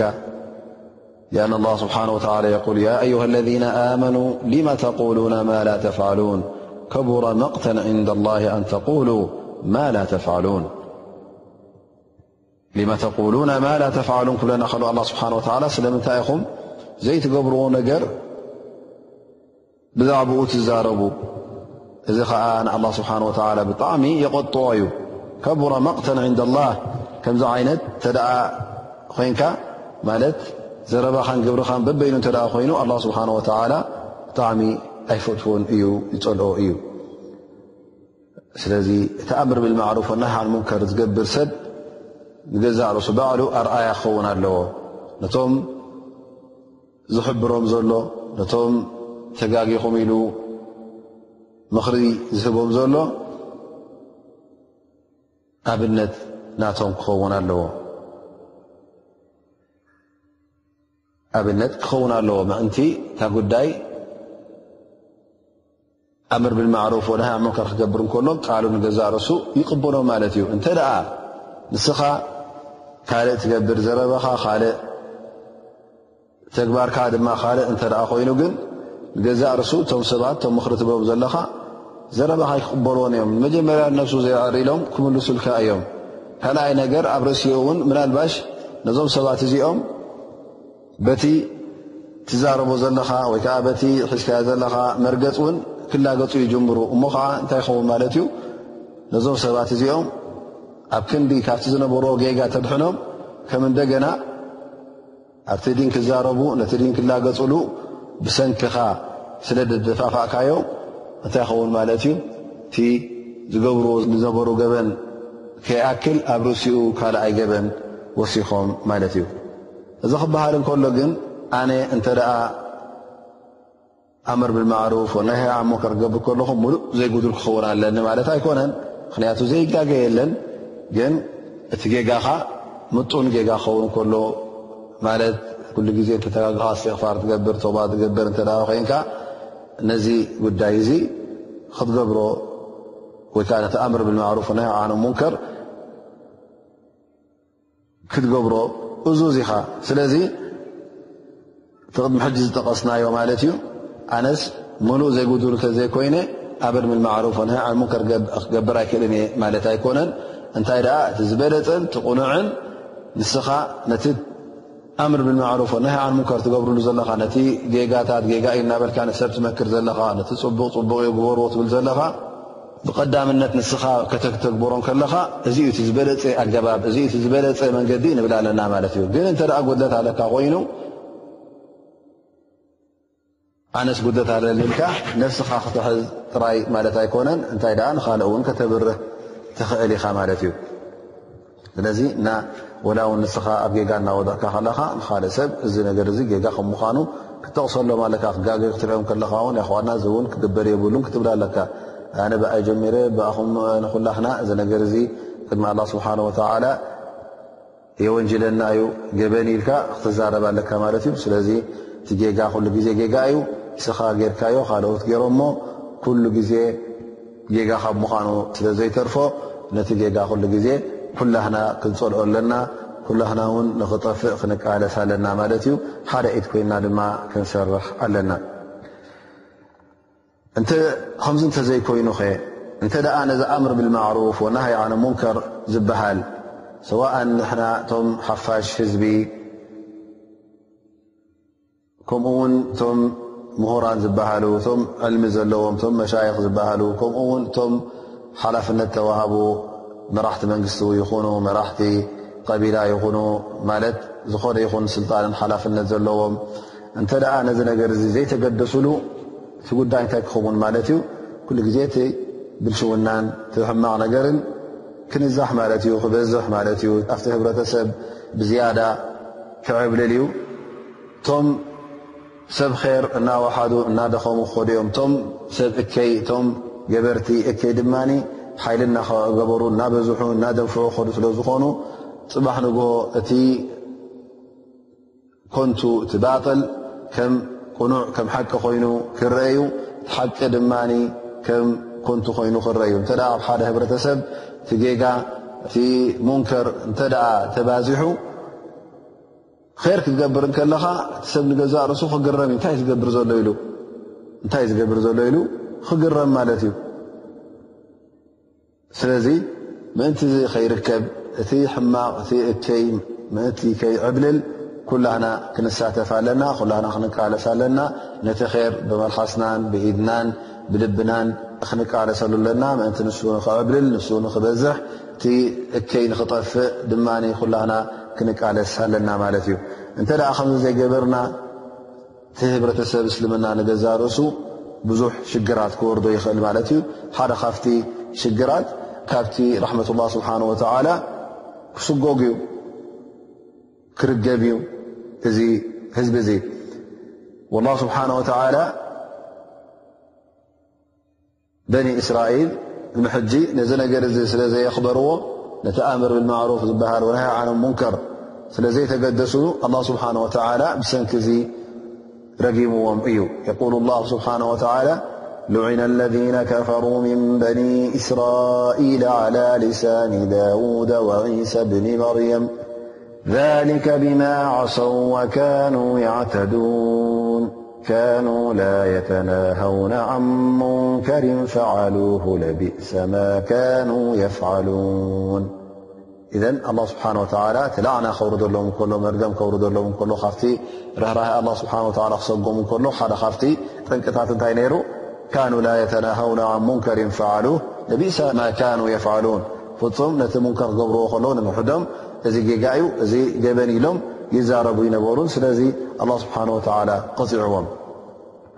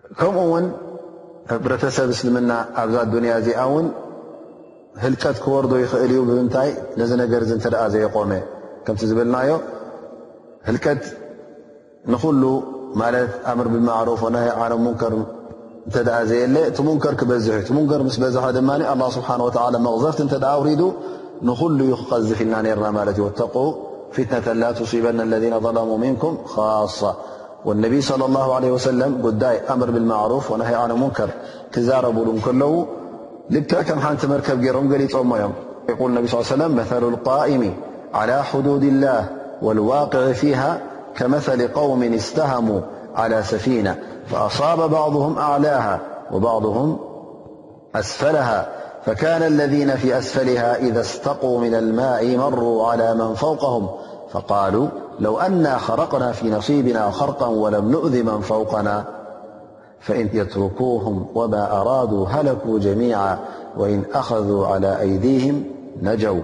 ونجوا جميعا النبي صلى الله عليه وسلم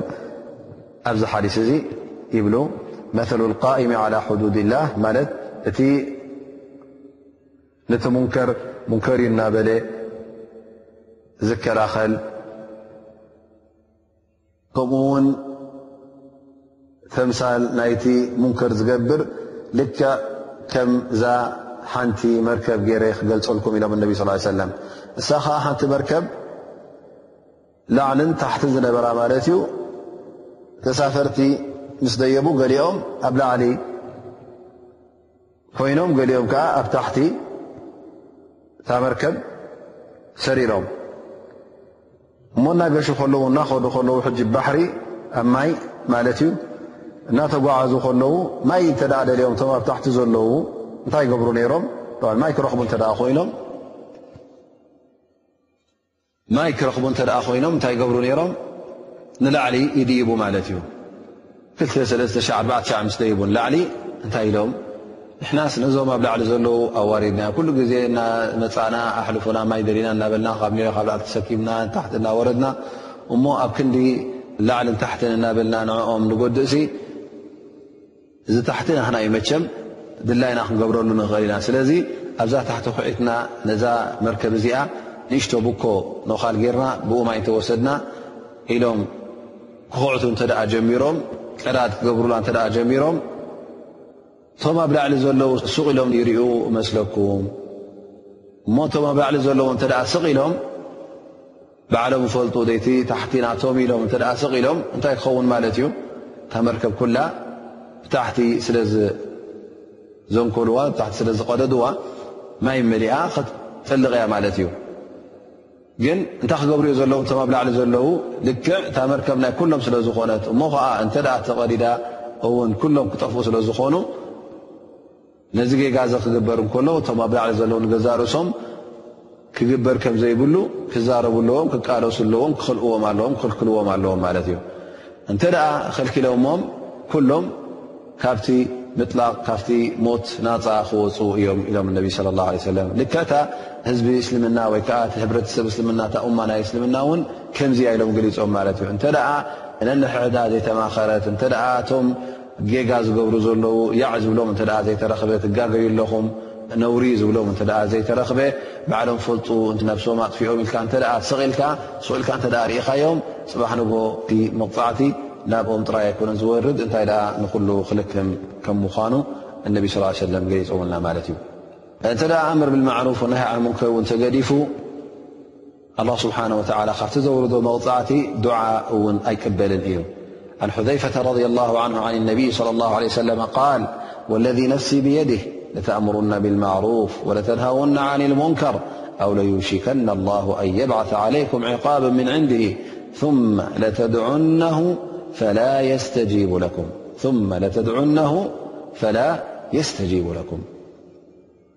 ነቢ صለ ላه ለ ሰለም ይብሉ ኣብዚ ሓዲ እዚ ወለذ ነፍሲ ብየዲ ክምሕሉ ኣለዎ ማለት እዮም በቲ ትንፋሰይ ነፍሰይ ኣብ ኢዱ ዘላ ጎይታይ ማለት እዩ ብኣላ ስብሓን ወላ ይምሕሉ ኣለዎ እነቢ ስ ሰለም ለተእምሩና ብልማዕሩፍ ወለተንሃውና ዓን ልሙንከር ማዕሩፍ ክግበር ክትእዝዙ ወይ ከዓ ገበን ጌጋ ይገደፊ ኢልኩም ክትቃለሱ እንተ ዘይተረኸብኩም ኣላ ስብሓን ወተላ